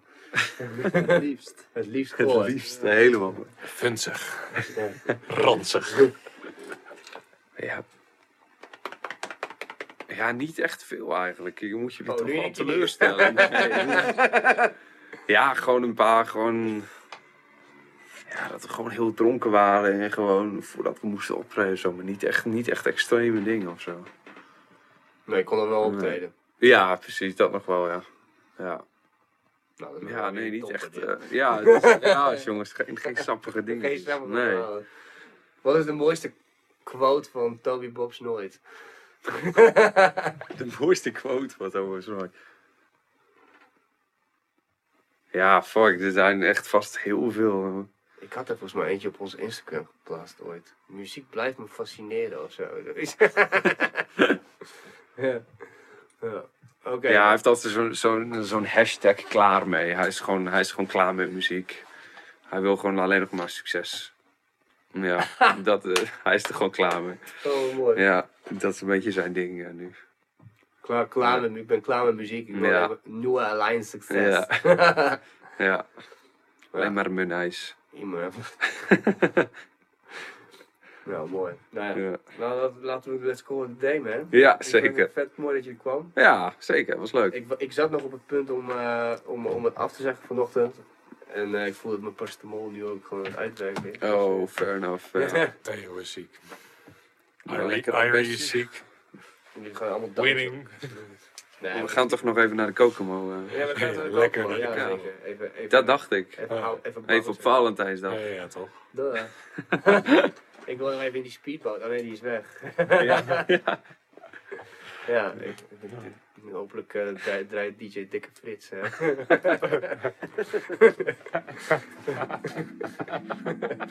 Oké, dit is een Ja, dat dat. Hey, Was het niet zo mooi laten we wachten tot die eh geblufferd was? Ja, jongen, dat fix ik allemaal, man. Oh, ik zit helemaal boven. Dikke bosso. Yo, Yo, We out. weer oud. Magda.